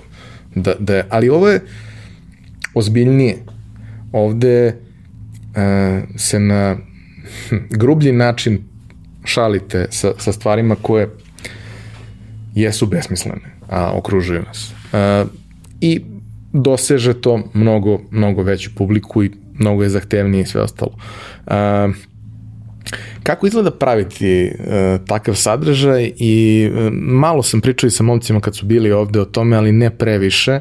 Uh, oni su svakako kao deo tima u nekim situacijama možda osjećali neke pritiske i tako dalje, ali ti si frontman i to je ipak najveći pritisak i najveći udarac da, je jasno. za tebe svakako. Kako je to izgledalo? Uh, prva epizoda, ta uh, na kojoj si ti bio na snimanju, kada je pogledam sada, uh, opet se čudim sam sebi koliko sam spor, koliko ovaj, uh, mm, nemam dobru dinamiku, koliko neke stvari bi drugačije rekao, ali to je sve zanatska nadogradnja i uigranost. Dakle, mi smo tad prvi put se kao tim sastali da igramo neku utakmicu. 7-8 godina nakon toga mi žmurečki možemo da igramo, što je normalno. Ovaj, nisam znao šta da očekujem jer nisam imao iskustvo uh, rada takvog rada u timu. Ja jesam imao tim ranije, bugarski balš, ali nekako se sve, um, ja sam tu bi, sve, sve radio zapravo. Uglavnom sam ja i pisao i vodio i, i to. Mislim, ok, bugarski bi napisao neki skeč, snimili, ali sve ovo ostalo što je emisiji bio moje, moje razgovor, ja razgovaram. Ja. Tako da sada treba raditi u grupi i pisati. Nikad nismo pisali zajedno. Ja sad prvi put sam u situaciji da sedim sa nekim ljudima koje do juče nisam poznavao i pišem. Pa da li će to funkcionisati? Oni su bili u dilemi da li će to sa mnom funkcionisati. Pa su bili dilemi da li će pa, to sa njima međusobno pa su, pa su onda pitali, a kako ćemo mi to, jel, jel, ti, hoćeš, jel mi treba sve da napišemo, a ti samo da pročitaš, ili kako ne, meni to delovalo neverovatno, kako pre vi da napišete, pa, pa da, Dorovska emisija. Pa. Tako da, e, vrlo brzo je kliknulo to između nas, a da nije kliknulo, ne, ne bi ništa bilo od emisije, znači to ne vredi, da, da, da, da nismo bili kompatibilni kao ljudi, džab, džabeti i sve to. E, tako da, vrlo brzo smo mi nekako se zavoleli, počeli jako da se, da se poštujemo i e, možda čak, ne znam da li kod njih, ali ja e, sam takmičarski duh u sportu bio, a, a, a i ovako, sad kad pišemo, ja, ja volim, ja da se mislim nešto uvedljivije, nešto blesavije, nešto luđe, nešto što će nadmašiti Viktorovu ili Markovu ili Nenadovu ili Grafinu ideju. Razumeš? Ne, ne u nekom smislu da, da, da, da ga pobedim, nego da emisija bude bolja, da ukupno a ja, bolje. da ukupno pobedimo, a ja da dam gol. Ja da dam najviše golova. Znaš, ja sam neko Ronaldo, eto, Ronaldo, da. Ja će, ovo će se proslavi da super emisija nije da go, evo, snuždio se, znaš. Debeli Ronaldo ili lažni Ronaldo? Ne, ne, ne, lažni Ronaldo, lažni, lažni Ronaldo, lažni Ronaldo.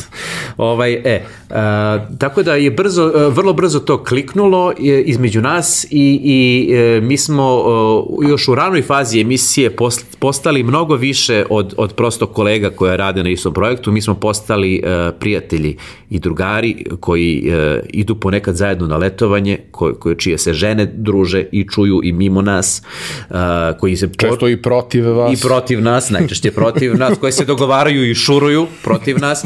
Ovaj, tako da je to sada već jedna ozbiljna dugogodišnja porodica u okviru koje ima često i svađa.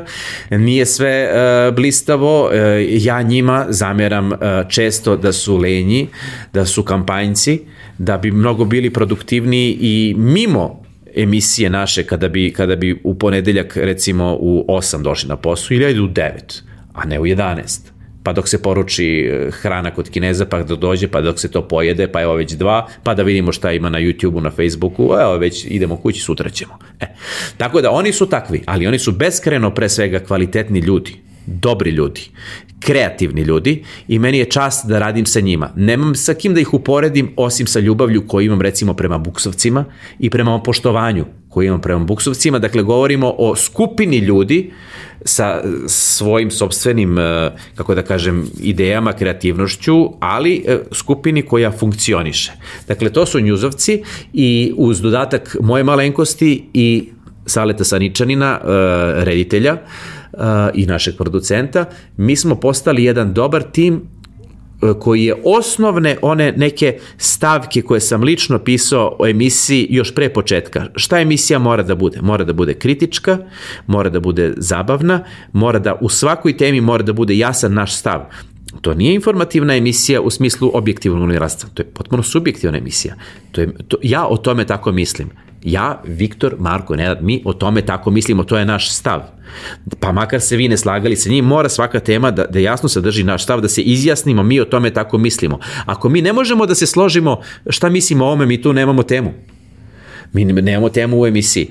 Uh, vrlo brzo je publika uh, prihvatila tu emisiju, vrlo brzo smo počeli da bivamo čašćavani epitetima poput jedino svetlo u tunelu, glas slobode, da nas željno iščekuju porodično da nas gledaju, što je meni prijalo i godilo mom egu.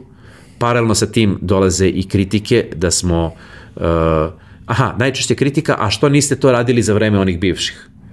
Pa onda ja šta sad treba da im vadim uh, priloge iz Fajrot Republike iz informatora gde sam zajebavao one bivše. Ili da im pustim spot na desetogodišnicu 5. oktobra, uh, koja je jedna jaka pesma koja govori o tome, o, o, o izneverenim nadama tadašnje žute vlasti. 10 godina od 5. oktobra je sve isto. Sve potpuno isto. Samo su drugi na vlasti. E, tako da ovaj je 24 e, minuta postala zadovoljstvo veliko e, da radimo, a koje proizilazi iz drugarstva i poštovanja i privilegije da govorimo ono što mi smatramo da je istina. Dakle, istina je, mislim, jedan od bitnih, bitnih uh, naj, na, najvećih moći naše emisije. To je istina. Naravno, uh, ti ne možeš meni da veruješ. Ja kad kažem mi govorimo istinu, ja možda lažem. Ali e, mislim da gledalci osjećaju da mi zaista tako mislimo. Nemamo skrivenu agendu. E, džabe nastavljaju na policu stranih izdajnika, e, NATO pudlica, ne znam čega, drugosrbijanaca, Ništa od toga nismo. Mi smo petorica, šestorica momaka koji o tome misle tako. I to će da kažu i u ovoj emisiji i u sledećoj. A do vas je da li ćemo vam biti svetlo na kraju tunela, što je lepo, ili neki strani Soroš plaćenici, što nije lepo, ali baš nas zabole. Um, kada su bili uh, Dražić i Viktor, oni su pričali kako iz njihovog ugla izgleda njihova radna nedelja negde. Prosto postoje uh, redovne aktivnosti oko njuza, postoje aktivnosti koje se tiču emisije kada je sezona emisije, yes. postoje s vremena na vreme neki projekti koji se rade kreativno u nekim drugim oblastima, advertisinga, gde su oni nekad bili scenaristi i tako dalje. U svakom slučaju, dotakli su se toga kako izgleda otprilike proces uh, rada na emisiji. Um, svoje vremeno i kada mi je Voja Žanetić bio gost i on je ispričao kako je to izgledalo i u indeksovom radio pozorištu i kako danas izgleda u pljižu i zašto se on smeje. Ovaj, jer, jer svima koji znaju Voju je jasno da se on potpuno iskreno smeje. Apsolutno, da. Jer Mićko. Da.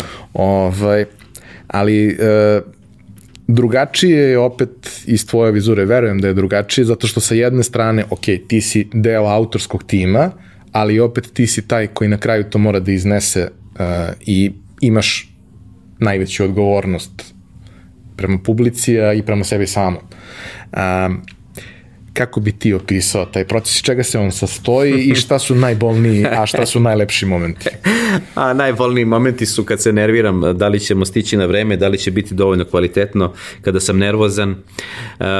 Dešava se često da, da sam, kako da kažem, nezadovoljan urađenim, mislim da smo malo uradili, da smo mogli biti vredniji, pa onda uzem sam, uveče sam napišem neku temu i onda sutradan u redakciji treba da prođemo tu temu, da vidimo da zajedno zajedno skratimo i onda kad mi nešto kažu da ne valja, ja, ja ću da ih ubijem. A kako ne valja sunce, vam jebem do 3 ujutru sam pisao. Što naravno nema veze da li sam ja pisao do 3 ili do 5, Ako nešto ne valja, onda ne valja, izbaci to. Ali tu tad proradi taj ego trip, ja sam radio, ja sam, ja se mučim, a vi, znaš. Njih nikad niko nije optužio da su vredni, pretredno. E, ali ovaj, i, i moram da, da nerado priznam da su obično u, u pravu i to što izbacimo, što nije valjalo, zaista nije valjalo. Elem, najbolje funkcionišemo kada, kada zajedno uh, radimo, a to uh, kada sedimo i, i, i pišemo zajedno i tu se više ne zna, ne zna ko, ko je šta ubacio Dakle, kako ćemo, šta ćemo, krene jedna rečenicu, ja se nadovežem treći i u samoj rečenici, u jednoj temi ti, ti imaš uh, i Viktora i Marka i mene i, i, i ostale momke, tako da ja kad gledam emisiju često ne mogu baš da prepoznam čiji je to fazon, znaš. Ima grafa pokušava da, da, da, da, da tačno u oči i broji ko je šta smislio, znaš, ali to je nemoguće. Potpuno je nemoguće zato što je svaka emisija plod rada, kreativnosti, mašte i trenutne inspiracije nas, nas petorice, šestorice. E, ponedeljkom ne radimo ništa. Utorkom se čujemo, eventualno ja dođem da vidimo koga ćemo za gosta i, i bend, ili često imamo na lageru neke bendove, pa unapred dogovorimo dva, tri, za dve, tri epizode i nabacamo neke teme. Voleo bih da se i utorkom napiše bar jedna tema, ali to se nikad ne desi, zato što sam i ja potpao pod uticaj njihove uh, lenjosti, jer znamo da možemo u sredo i četvrtak. Onda sreda i četvrtak su uh, srce i, i, i duša i ostali unutrašnji organi naše emisije, jer mi sredom i četvrtkom spičkamo ceo scenariju. Eto, to ti je to i petkom snimanje je puka egzekucija već proživljenog, osmišljenog, iznerviranog, napisanog i provežbanog od, od strane moje malenkosti. Jer oni, kada odu kući nakon e, radnog dana, njima se završava radni dan, mogu da rade druge stvari ili da ne rade ni ništa. A ja, moj posao se nastavlja, jer ja prolazim sve što je napisano, dodajem, ako sam nervozan, uh, urađenim napišem ceo, sam temu, četvrtkom uveče, veče u oči emisije, mi snimamo u petak u podne.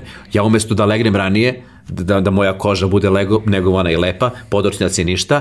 Ja radim do 2-3 ujutru, oplemenjujem scenario, dodajem svoje sitne fore, vežbam gestikulaciju, uh, pišem pitanja za gosta, gledam šta se može oplemeniti, da se može nešto malo krajcovati i tako dalje, pišem on foru za šolju i tako gomila nekih stvarčica koje nalažu da, da ja legnem recimo u 2, pola, 3, 3 ujutru i onda u petak, kad sam ja sve već to prošao sa njima, I kad sam ja to uvežbao, snimanje je veliko zadovoljstvo, veruj mi. Jer ja sve to imam, ja sve to znam, to je moje. Koliko traje snimanje? Pa snimanje traje sat, sat, sat, sat i po vremena. Sat i po vremena, ovaj, jer sve ide u cugu. Vrlo redko ja, ja grešim da zapletem nešto jezikom, dešava se, ali, ali vrlo redko. Samo je pauza kad treba analitičar da sedne, gost da sedne, band da, da odsvira pesmu, tako da je snimanje zadovoljstvo. Bilo je veće zadovoljstvo kad je bila publika. Mi smo publiku izbacili zbog, zbog korone ali šta da radimo? Sad navikao sam se na, na bez publike. Mislim, ja sam raniji dezinformator i te emisije radio bez publike. Ali ovaj, volao bi da vratimo publiku, jer onda je to malo životnije drugi, drugi nivo. A, pitao sam te to i za prethodne emisije koje si radio, moram da ti pitam i za ovu koje pamtiš, koje su ti posebno značajne? Pa, pa to, to mi je teže da, da kažem, uh, zato što na, ne mogu sad, ranije u Fire Republici imam e, gosta, pa lako se setim, znaš, najviše volim Buksovce, znaš, ili, ili Ramba ili tako, tako nekog i onda cela ta emisija mi oboje na uh, tim gostom ili gošćom. A ovde naši gosti nisu toliko bitni, dakle bitniji je naš scenario, a scenarij je podeljen po segmentima, po temama. Tako da nema, nema sad neka emisija, recimo 123. epizoda koja mi je cela do jaja, nego su neki segmenti i tako dalje. Ponosan sam uh, na razne stvari koje smo uradili, uh, recimo Uh, šta ja znam, imali smo, uh, dosta rano smo mi krenuli, uh, sad, sad je aktualna priča o migrantima, znaš, nije sad, nego već, ali mi smo nekako među prvima počeli da se kritički oglašavamo ovaj, protiv te antimigrantske klime, te moderne desničarske klime, tog pokušaja da se na antimigranskom osjećaju nacije zarade politički poeni. Vrlo rado smo prepoznali te struje i među nekim opozicionim partijama, tako da, eto, mi furamo tu priču, e, ne da furamo kao neka agenda, nego, nego prosto imamo stav o tome, ne sviđa nam se to. Znaš, i e, saznanje da će to smetati nekim ljudima, da će nam slati grozne poruke u komentarima, veliki Srbi, mnogo veći Srbi od mene, Znaš, to su ogromni Srbi, to su huge Srbi, razumeš? A ja za Boga nisam Srbin. Zato što mislim da svakom treba pomoći i zato što mislim da, da ako zaboravljamo da smo mi bili izbeglice i tretiramo tamo neke druge izbeglice, onda smo mi obična govna, razumeš? A ja ne želim da budem govno, jer mislim da Srbima nije u opisu da budu govna, nego da budu dobri domaćini i da budu empatični i da pomažu, da, e, ja tako doživljam patriotizam, razumeš? Istovremeno smo svesni e, i često u redakciji imamo, kada želim nešto da kažem iz srca, što mi smeta i što me nervira, i najbolje su emisije kad sam nervozan, kad me nešto nervira, e, znamo da će izazvati reakciju, znamo da će neko da mi preti, znamo da će možda sutra na ulici nikad se nije desilo, nešto da pokuša, ali da li nas to spreči da ja to kažem, a to je mišljenje celog tima, ne spreči nas. Dakle, kažemo ono što se mo mora reći, pa šta god. E, ponosan sam ne na emisije posebne ili segmente, već na tu okolnost našeg tima, da ne idemo linije manjeg otpora, da poštujemo stav gledalaca, ali da se oni apsolutno ništa nikada ne mogu pitati vezano za našu emisiju. Dakle, to što gledalci očekuju da mi u emisiji 99% zezamo Vučića, dobit će kada nam se namesti. Ako nam se ne namesti, neće ga biti uopšte u emisiji. I onda ćemo u njihovim očima biti prodane duše. Tako da odavno sam shvatio da svetu nikada ugoditi, najvažnije je ona, ona energija u našem timu, a ona je neukaljana i ispod svake emisije možemo da se potpišemo, mi o tome tako mislimo, to je naš stav, uprko saznanju da vam se to neće svideti. E pa vaš problem. A, koliko sad ima sezona? Sedam? Pa pravo ti kažem, sedam sezona od 2013. 7-8 sezona i ja mislim možda 200 50 emisija. 240. Uh, dešavalo se da između sezona nismo baš sigurni da ćemo da se vidimo i sledeće Dešavalo se skoro svake godine. Uh, kako to izgleda? Pa to izgleda vrlo stresno, zato što smo tad radili na B92, već je B92 potpao pod uticaj vlasti. Zašto ne reći? Zašto to i ne reći?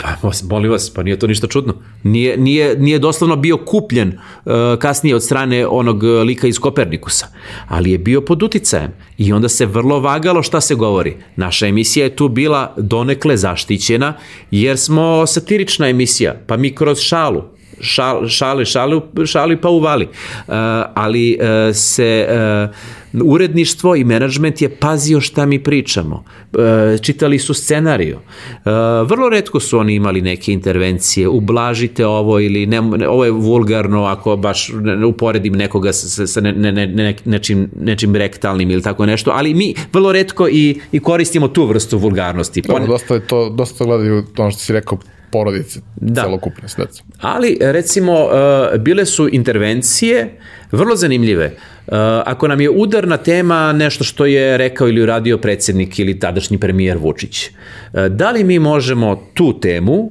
da stavimo da bude druga, treća? Da ne bude prva? I onda mi razmišljamo, da li nešto dobijam, da li mi stavimo je da bude treća. Nijedna reč nije skraćena, ništa ne izbacimo, ali stavimo je, eto, da bismo bili u dobrom odnosu sa menadžmentom. Nikakve cenzure nije bilo, nije bilo uh, da nam neko nameće goste ili kaže ne može da dođe Draža pljuvaće Vučića ili ne može ovaj, ne. Nikad ništa bilo, ali jedna takva opreznost menadžmenta da zbog nečega što mi kažemo ne, da prosiš, ne najebu oni, toga je bilo. Toga je bilo konstantno i najdrastičnije je bilo kada jedna emisija nije emitovana. Dakle, kući smo uveče, žena i ja, čekamo da počne emisija. Počinje emisija, ali počinje emisija od prošle nedelje. Tada je e, u fokus bio na Saši Jankoviću, tadašnjem zaštitniku građana i kampanji velikoj hajci koja se sprovodila na njega, ono, Sale Prangija ubio čoveka i tako dalje. Ovaj, I mi smo imali ogromnu tu temu u kojoj e, prosto razotkrivamo sistem kako to funkcioniše. Uh, cela ta emisija nije bila emitovana, mi čim je počela reprizna emisija zovemo tamo menadžment, niko nam se ne javlja, pišemo, ne odgovaraju. Usijava se internet, bukvalno, šta se dešava, šta se dešava, zove drugi novinari, šta se dešava, ukinuta emisija, ja ne znam. Ja do sutradan nisam saznao šta se desilo. Navodno, kada smo se sastali sa tadašnjom e, urednicom programa ili direktorom programa Manjom Grčić, e, rečeno nam je da je e, bila sporna jedna stvar vezana za Željka Mitrovića, što smo mi kao Željko Mitroviću nešto smo ga, uh, kao uvek je kao devojka za sve, dobar je sa Slobom, dobar je sa Julom, posle dobar bio sa ovima demokratama, sad je dobar s ovima, otprilike to je to, pa da to ako može da ublažimo, jer je Željko Mitrović u suštini dobar lik, ono, znaš, nije, glupo je. Da. Mi u fazonu ne možemo da ublažimo. Čekaj, celu emisiju se stopirali zbog toga. Pa, ali bila je greška, tehnička, nešto. Ja na kraju, pravo da ti kažem, ja nemam pojma šta se desilo. Ono što ja sumnjam jeste da je došla neka dojava od gore nekome da takva emisija gde je glavna tema Saša Janković ne može da ide. Ovi su rekli, pa kako ne može da pustimo, ne zanima nas. Ovi su pustili reprizu. Kasnije nama objašnjena druga stvar, da je vezano za Željka Mitrovića, a šala za njega bila benigna. Tako da ostaje ovaj nedoumica, Cijela epizoda, kako smo je snimili, je emitovana, zaista, u repriznom terminu. Išla je u etar, otišla je u program. Ali ostaje činjenica da je neko verovatno se uplašio i ne znajući šta da radi, uradio prvo što mu je pod ruci, pusti reprizu. Tako da e, ta, taj pritisak i ta kanđa, ta šapa ove vlasti na medijima e, dugo ovde postoji i, i sve je gora i gora. Ako, ako ti pogledaš prve naše epizode, one su mnogo benignije, ja sam mnogo e, blaži, ja sam e, e, vrlo redko imam e, situacije kao što često imam posljednjih godina da sam vidno ljut i nervozan u emisiji. Ja zaista sebe e, dovedem u stanje da sam ljut kad nešto izgovaram. E, sve emisije su nam gorče i gorče i oporije u skladu sa društvenom klimom. Kakva, je, kakva nam je država i društvo, takva nam je emisija. Voleo bih jednog dana da postanemo slapstick komedija.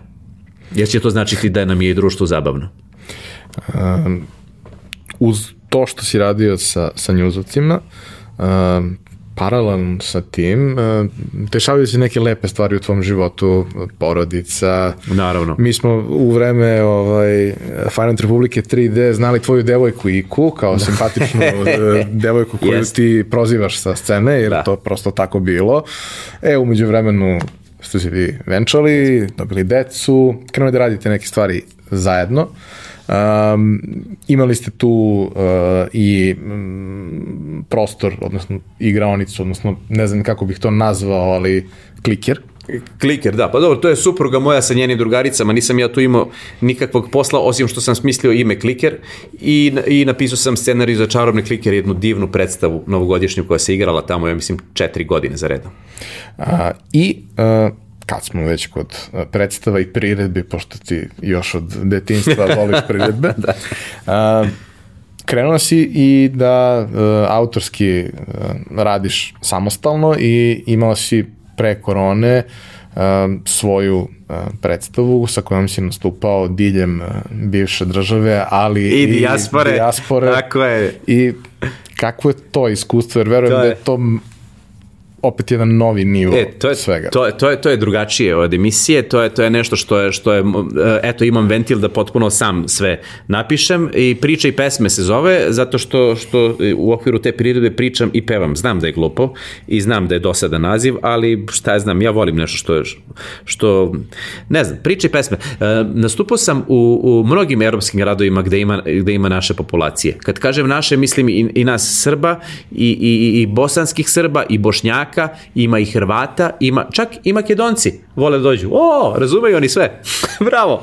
Beč, Minhen, Pa to je bilo divno. Dubaj, u Dubaju sam nastupao, čoveče, u Torontu, u Americi, u Chicagu, New Yorku, Washingtonu. Ma to je bilo fenomenalno. Imao sam, mislim, 50 e, nastupa e, i čak je, sam ja tu i ok zarađivao. Dakle, sporio, spojio sam lepo i korisno. Ako je atraktivna destinacija, idemo žena i ja. Dakle, Ika i ja putujemo, e, decu ostavimo da, da čuva njena sestra bliznakinja koja isto ima dvoje dece i uvek joj nešto donesemo lepo iz inostranstva i hvala joj što čuva.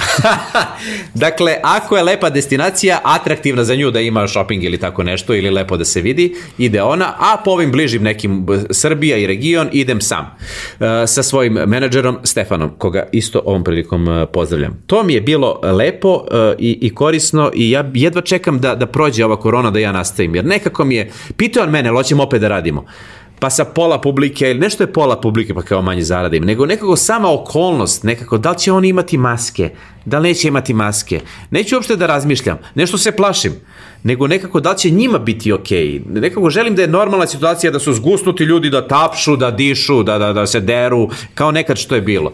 Tako da bih volao to da nastavi, a i nije svaka drugačija kao što je bila Firont uh, 3D. Ne, nema nama šanse. Dakle, većinu, većinu programa ja ponavljam uh, u tim pričama i pesmama, ali za svaki grad ja imam namenski deo od recimo 15 20 minuta samo za taj grad. Dakle, drugačija je priredba u Dubaju od, od ove u Vašingtonu ili od ove u, u, u Podgorici ili u Sarajevu, znaš. Nekada čak ranije organizujem bend, neke Sarajlije, neki bend, ja im pošaljem uh, svoje te neke matrice kako pevam, oni to skinu, uvežbaju, ja dođem dan ranije, zakažemo studio, probamo. 2-3 sata probamo i sa njima sam uveče na bini, sledeće veče i imam live band na bini, ja pevam svoje kretenske pesme, kao nekada u Fire on 3D-u i imam super nastup.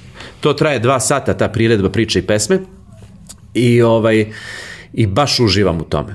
To je, to je nešto što je, ne, što je drugačije od emisije, ali mi predstavlja veliko zadovoljstvo i, i voleo bi da se nastavi. Uh, šta pamtiš kao ono, od, od tih uh, destinacija na kojima si bio da ti ono posebno bilo drago? Jer generalno, mislim, naši ljudi imaš onu celu populaciju naših ljudi koji idu na bilo šta što ima veze sa yes. našima i što ima veze sa srpskim jezikom jer im je važno da čuju yes. i da yes. se vide i da to sve. Ali kapiram, tvoja publika nije baš 100% tako. Pa pazi, uh, negde jeste, negde nije. Naprimer, u, Be, u Beču je neminovno, zato što u Beču ima, ima toliko naših ljudi, to je neverovatno. Znači, oni su izlepili uh, dobar deo Beča mojim slikama i to na najneočekavanim mestima. Recimo, frizerski salon, pa moja slika. Pa ne znam, prodavnica cveća, a to je frizerski salon, drže neki naši. Pa cveća moja slika, pa brza hrana, i ćevapi, o, moja slika, i Kesić u ponudi, znaš. Ovaj, tako da je tu bilo raznih ljudi, struktura, profesija, obrazovanja, ali, ali nekako ja volim e, ljude. Ja e, na pijaci, kad idem na pijacu, ja se ispričam sa ljudima. Ostao mi je taj neki mod reportera malog koji ide na zelenjak, pa je dobar sa, hej, zemljoradnik, ovo ono i to. Ja njih zezam, ali vidno zezam, ne, ne, ne kako da kažem, ne zlonamerno, nego odmah krenem u neku zajebanciju sa ljudima, ovaj, tako da oni to osete i uspem da napravim dobar, dobar odnos sa njima koji posle se nastavi i mimo priredbe na kafanskom druženju. Jer uvek ja negde kad dođem, moji ljubazni organizatori tamo iz tog grada mi organizuju posle da idemo tamo da jedemo i da pijemo. I onda se nastavlja priredba u kafani. Ja, ja sam upoznao dijasporu i dijasporu. I tačno mogu ja da i strukturu naše dijaspore, e, kako da kažem, klasifikujem recimo od Beča, Amsterdama, e, U Norveškoj se ljudi bave najrazličitim zanimanjima. Jednog sam pitao šta radiš, on kaže ja, ja ronim u, u govnima. On, on je ronilac, ima i pokazuje mi sliku, zaista ima ronilačko odelo, sve i on roni u septičkim jamama i kopa. A ovaj drugi šta ti da radiš? Ja perem babe u, u samačkom staračkom domu. Ja rekao, pa ali ima neke razlike uh, a kako babe, a dede, kažem, veruj mi, kad su toliko matori, nema razlike. Sve jedno mi je koga perem. E, jedan uramljuje slike i u tome je jako uspešan. Dakle, pazi, imaš ronilac u govnima, perač baba i uramljivaš slika. Dakle, e, vrlo zanimljive ljude srećem i ovaj, to je velika privilegija da e, i tamo po raznim meridijanima dobijam sličnu ljubav koju ovde dobijem e, na ulici ili u pekari ili neko kad mi kaže na granici, evo sad skoro, pa ovaj, policija kaže kad krećete udrite još jače. Znaš, nikada ni jednu lošu stvar nisam dobio. Ovi negativni komentari, ja ne znam gde su oni, jer oni žive samo na internetu ti ljudi. Gde ste na ulici?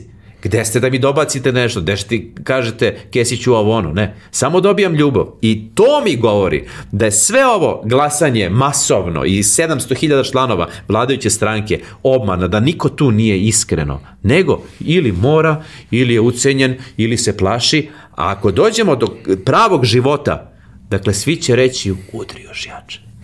Ne, ali imaš onaj moment koji je, koji je bio još u uh, vreme tvog uh, idola političkog iz vremena rane mladosti Drašković. Odrastanja, kad Vuk pita uh, seljaka da. Hoćeš glasati Hoću. za mene? Hoću kad budeš na vlast. Da, da, glasat ću za tebe kad dođeš na vlast. Pa jeste, to je, to je tako, ovaj, ali e, e, da, ovi, ovi su ra, u dijaspori razni ljudi e, vrlo raspoloženi da čuju šta ima u, u, u materici, ja, ja tako zovem, dakle, u, mat, u matici, materici, e, i, i ne, ne deluje mi da bi se rado vraćali oni. Veruje mi, e, deluje mi da je ugodno. Oni se interesuju, pitaju šta je, kako je, ali njima je Voli tamo... da dođu, ali Da i ost- da odu. Da, da, oni dođu samo kad, kad je korona. Onda dođu masovno da se ovde leče i nas sve da potruju. Što reče predsednik, tad nam dijaspora dođe. Ovaj, e, region tako e, isto lepo reaguje. Recimo u Sarajevu sam imao vrlo, vrlo e, neverovatnu priredbu u, ovaj, u Skenderiji sa live bandom, e, vrlo emotivno i to na dan Sarajeva i e, delio sam im i diplome mojim tamo sarajevskim nekim drugarima. E, tako da ne mogu da izdvojim neko, neko mesto gde, a naravno najveći doživljaj od svih je dve nedelje u Americi. Eto to, ja nikad nisam bio pre toga u Americi, ni moja žena, išli smo zajedno u Ameriku, videli smo New York, meni je bio san da vidim New York kao nekadašnjem reditelju u pokušaju i zaista mi je svaki trenutak u New Yorku bio u film, kao u filmu. Tako da eto, ova karijera mi donosi neke divne trenutke e, i nije tu najvažnija okolnost da mi možemo e, da nam dupe vidi put. Tu je najvažniji moment e, ljubav.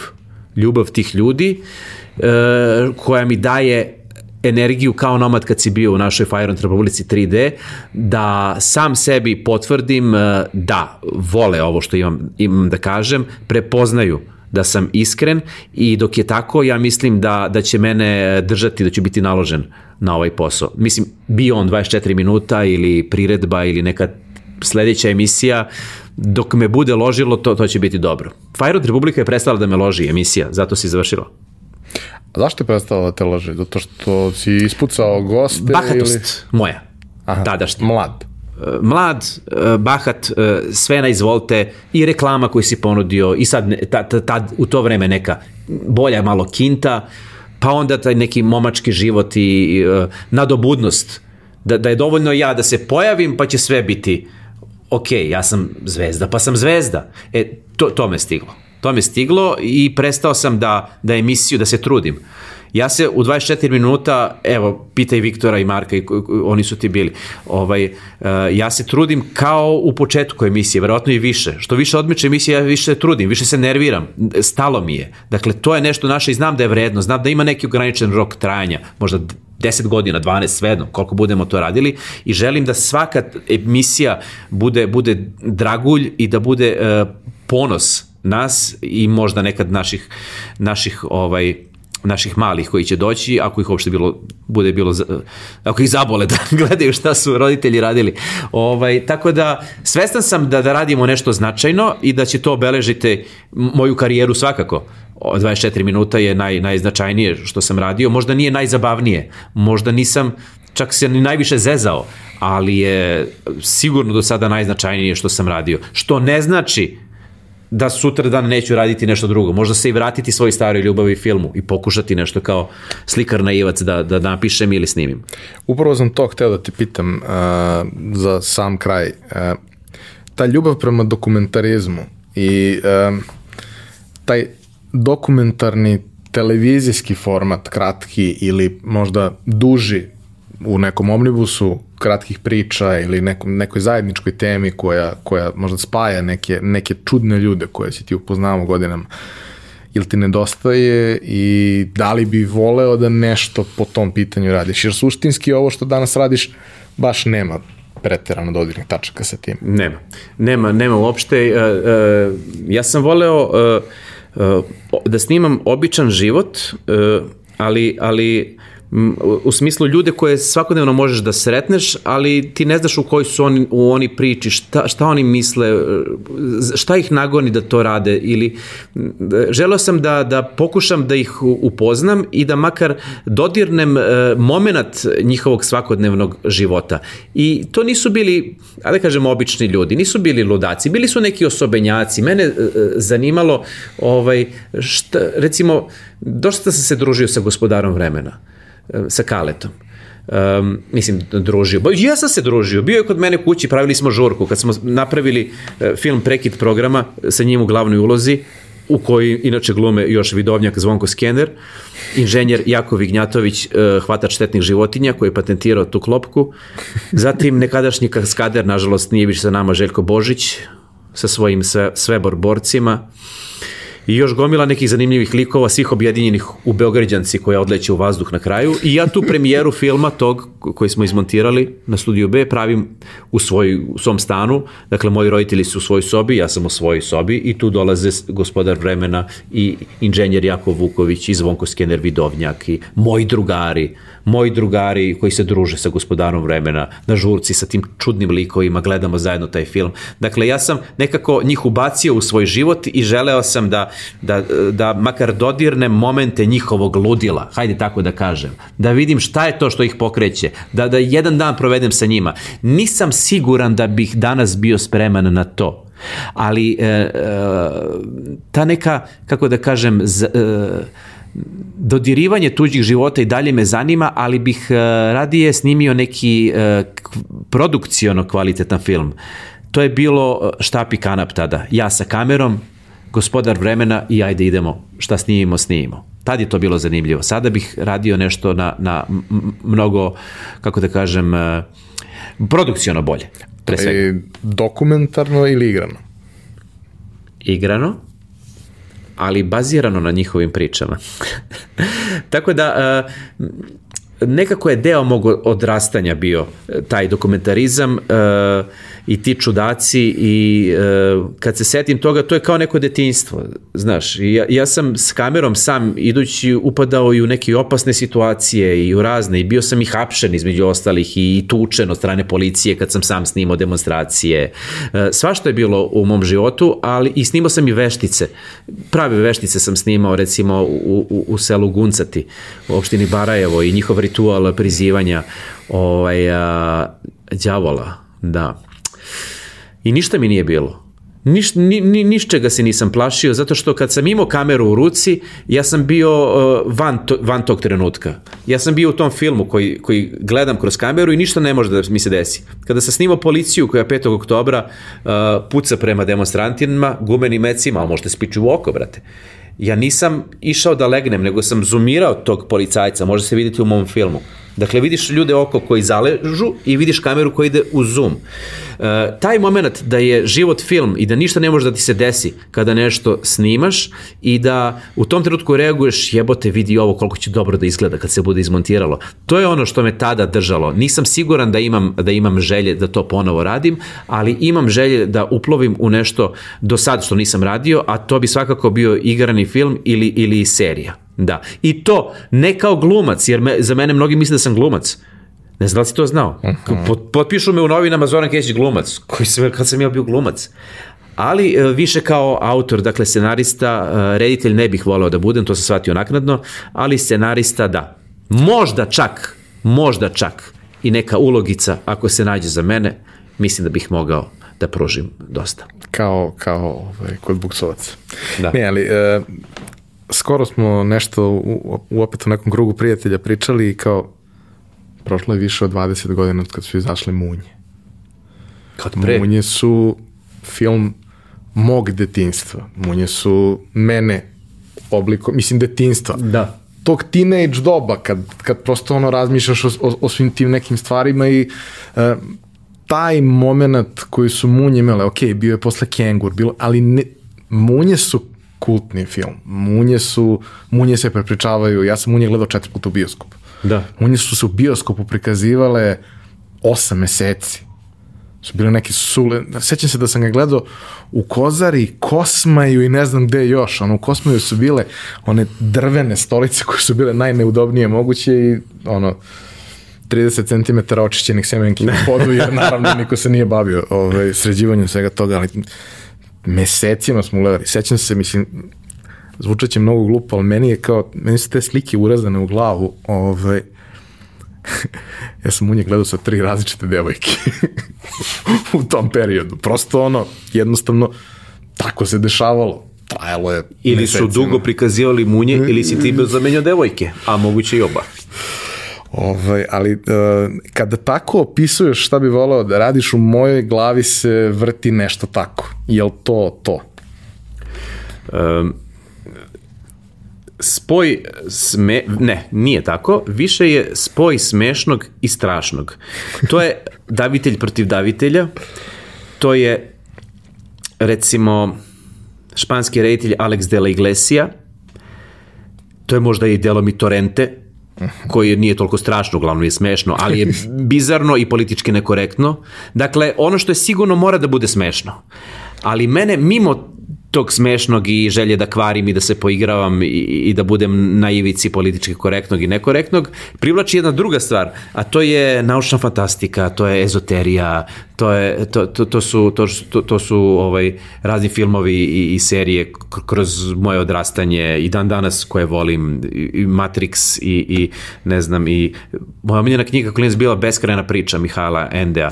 Uh, dakle, fantazija neka. Dakle, spoj toga, horor, naravno, stripovi, Dylan Dog i tako dalje, uh, i smešno. Smešno, strašno je nešto što, što se često prepliče. Pa evo vidiš li u našoj emisiji, ja mislim, 24 minuta, da je ona smešno strašna.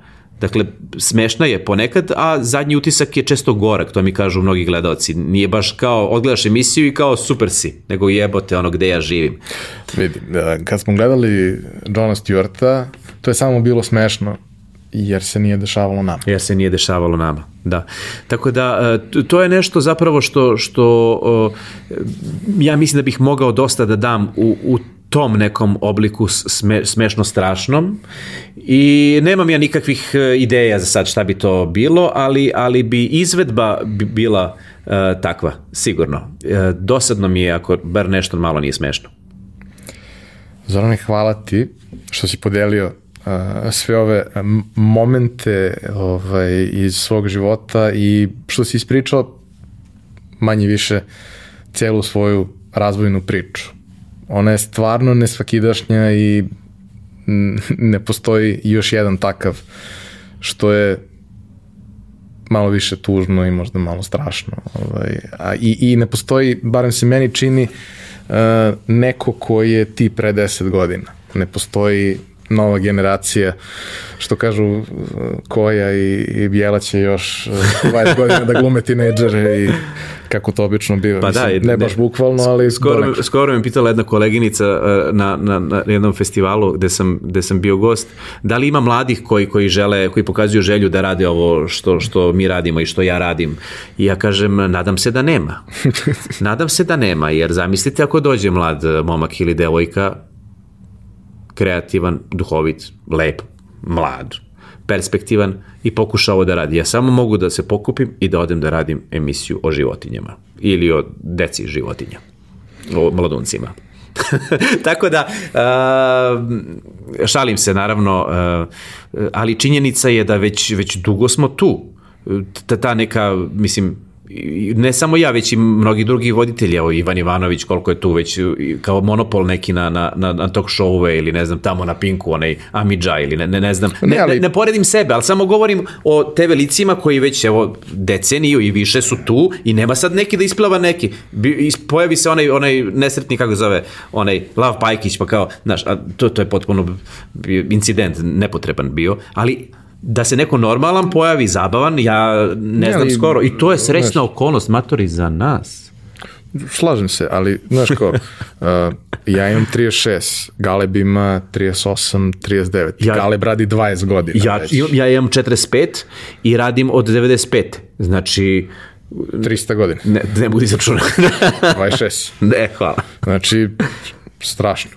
Ovaj, ali to je, to ono drži autorski deo priče. Sada Galeb kroz svoj format priča neke priče koje možda nikad nije dobio priliku da ispriča u ono redakcijskom setupu kakav, u kakvom je radio. Ma on je od uvek volao toliko da priča, da je za njega idealno podcast da on može da priča.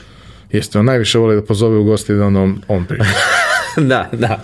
A, ovaj, a, um, šta ja znam, e, ne bih voleo da me, da me zameni neki mlađi. Prvo, bio bih malo ljubomoran na njegovu mladost, ja sam generalno ljubomoran čovjek na sve koji su mlađi od mene e, i uspešni. I još ako je mlad, mlad i uspešan, ja hoću da poludim potpuno. Bar da je samo mlad, razumeš? A mlad da neuspešan. Ili samo da je uspešan amator, nisam ljubomoran. Ali mlad da uspešan, hoću da popizdim. Tako da mi je drago što nema ko, ko trenutno da me zameni i, i e, nameravam ovo da, da, da jašem na ovom talasu popularnosti koji ne postaje još dugo, dugo. Ne zbog popularnosti same, nego sam se navukao na ljubav. Znaš, ja, meni e, zaista sam dirnut koliko ti pratiš sve ovo što sam, što sam radio i koliko, se, koliko si me podsjetio na neke stvari o kojima ne razmišljam baš svaki dan jer su deo moje lično istorije i, i profesionalne i privatne, ali ja hoću tebi da se zahvalim što, što, si, što si ovo sve pitao, što si pitao i, i što si mi dao priliku da, da pričam o ovome. Hvala tebi. Uh, mogu da kažem naš zajednički prijatelj i kolega čiju majicu nosiš Almost Original grafa, njegov novi projekat na kome je radio prethodnih meseci, zamalo pa original. Da. Ovaj, ti nosiš uh, krokodila da ne komentarišemo Jao, šta je ovo original. je kao emisija ono, na kraju uh, za izgled gosta pobrinuo se grafa. ne, ali uh, toliko dugo uh, čekam trenutak kada će on da zaokruži nekakav svoj projekat od početka do kraja, da on ima i, i neki taktilni moment da to postoji. Znaš, logo je ok, to je nešto što radiš, jeste posao i sve je to lepo, ali e, mnogo puta sam pričao sa ljudima koji su radili svakakve neke fantastične stvari, ali prvi put kada uzmeš u ruku nešto što, što si napravio knjigu, print neki, sliku, nije bitno, majicu, to je posebno. I kada vidiš nekog da nosi nešto tvoje, ne mora da prepozna da si to ti radio, nije važno, ali ti znaš da je to nekom važno.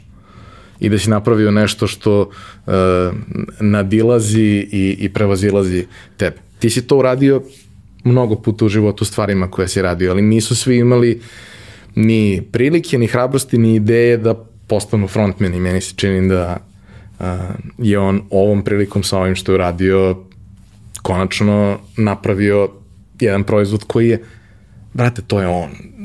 Jedan kroz jedan je to on, onakav komplikovan. Apsolutno. Ja pritom nisam, nisam uh, specijalni fan šaljivih uh, majica, jer uh, i, i, i žena mi kaže, ona inače kostimograf, pa vrlo pazi šta nosim, kaže, ti ako nosiš šaljivu majicu, to je besmisleno, ti treba da nosiš neutralnu majicu, jer ti si šaljiv to je kao dupla šala. Ti plus majica zezačka. Ali ove, ove grafine Almost Original majice su druga, druga stvar, jer, e, jer mi se nekoliko puta desilo da me ljudi gledaju i ne prepoznaju mene, recimo stranac u tržnom centru. Ja naviko, hoće da se javi, ja mu smijem, jeste, to sam ja. On kao, ne, cool t-shirt, funny. A imao sam ovu šišmiš, on zove šiš, šišmiš Batman. Dakle, neki bezvezni, jadni Batman i to je Almost Original Batman, on je zove šišmiš, zbog autorskih prava, to nije Batman, nego je šišmiš. Tako da mi se dva, tri puta desilo da mi pohvale majicu, a ne mene i emisiju. Tako da, evo, majice Almost Original rade. Šiš čovek. Da, re, grafa koga, koga ne znam, možda gled, gledalac tvog podcasta, ali, ali zašto forma dozvoljava i to je beskrajno talentovan čovek, jedan od tih talenata iz Newsneta sa kojima mi je čast i zadovoljstvo uh, da radim. Uh, I želim uh, grafi da mu dobro prođu majice i da uh, nađe devojku. Koja će nositi te majice? Teška tema. Okay. Hvala ti još jednom. hvala vama što ste nas slušali i gledali.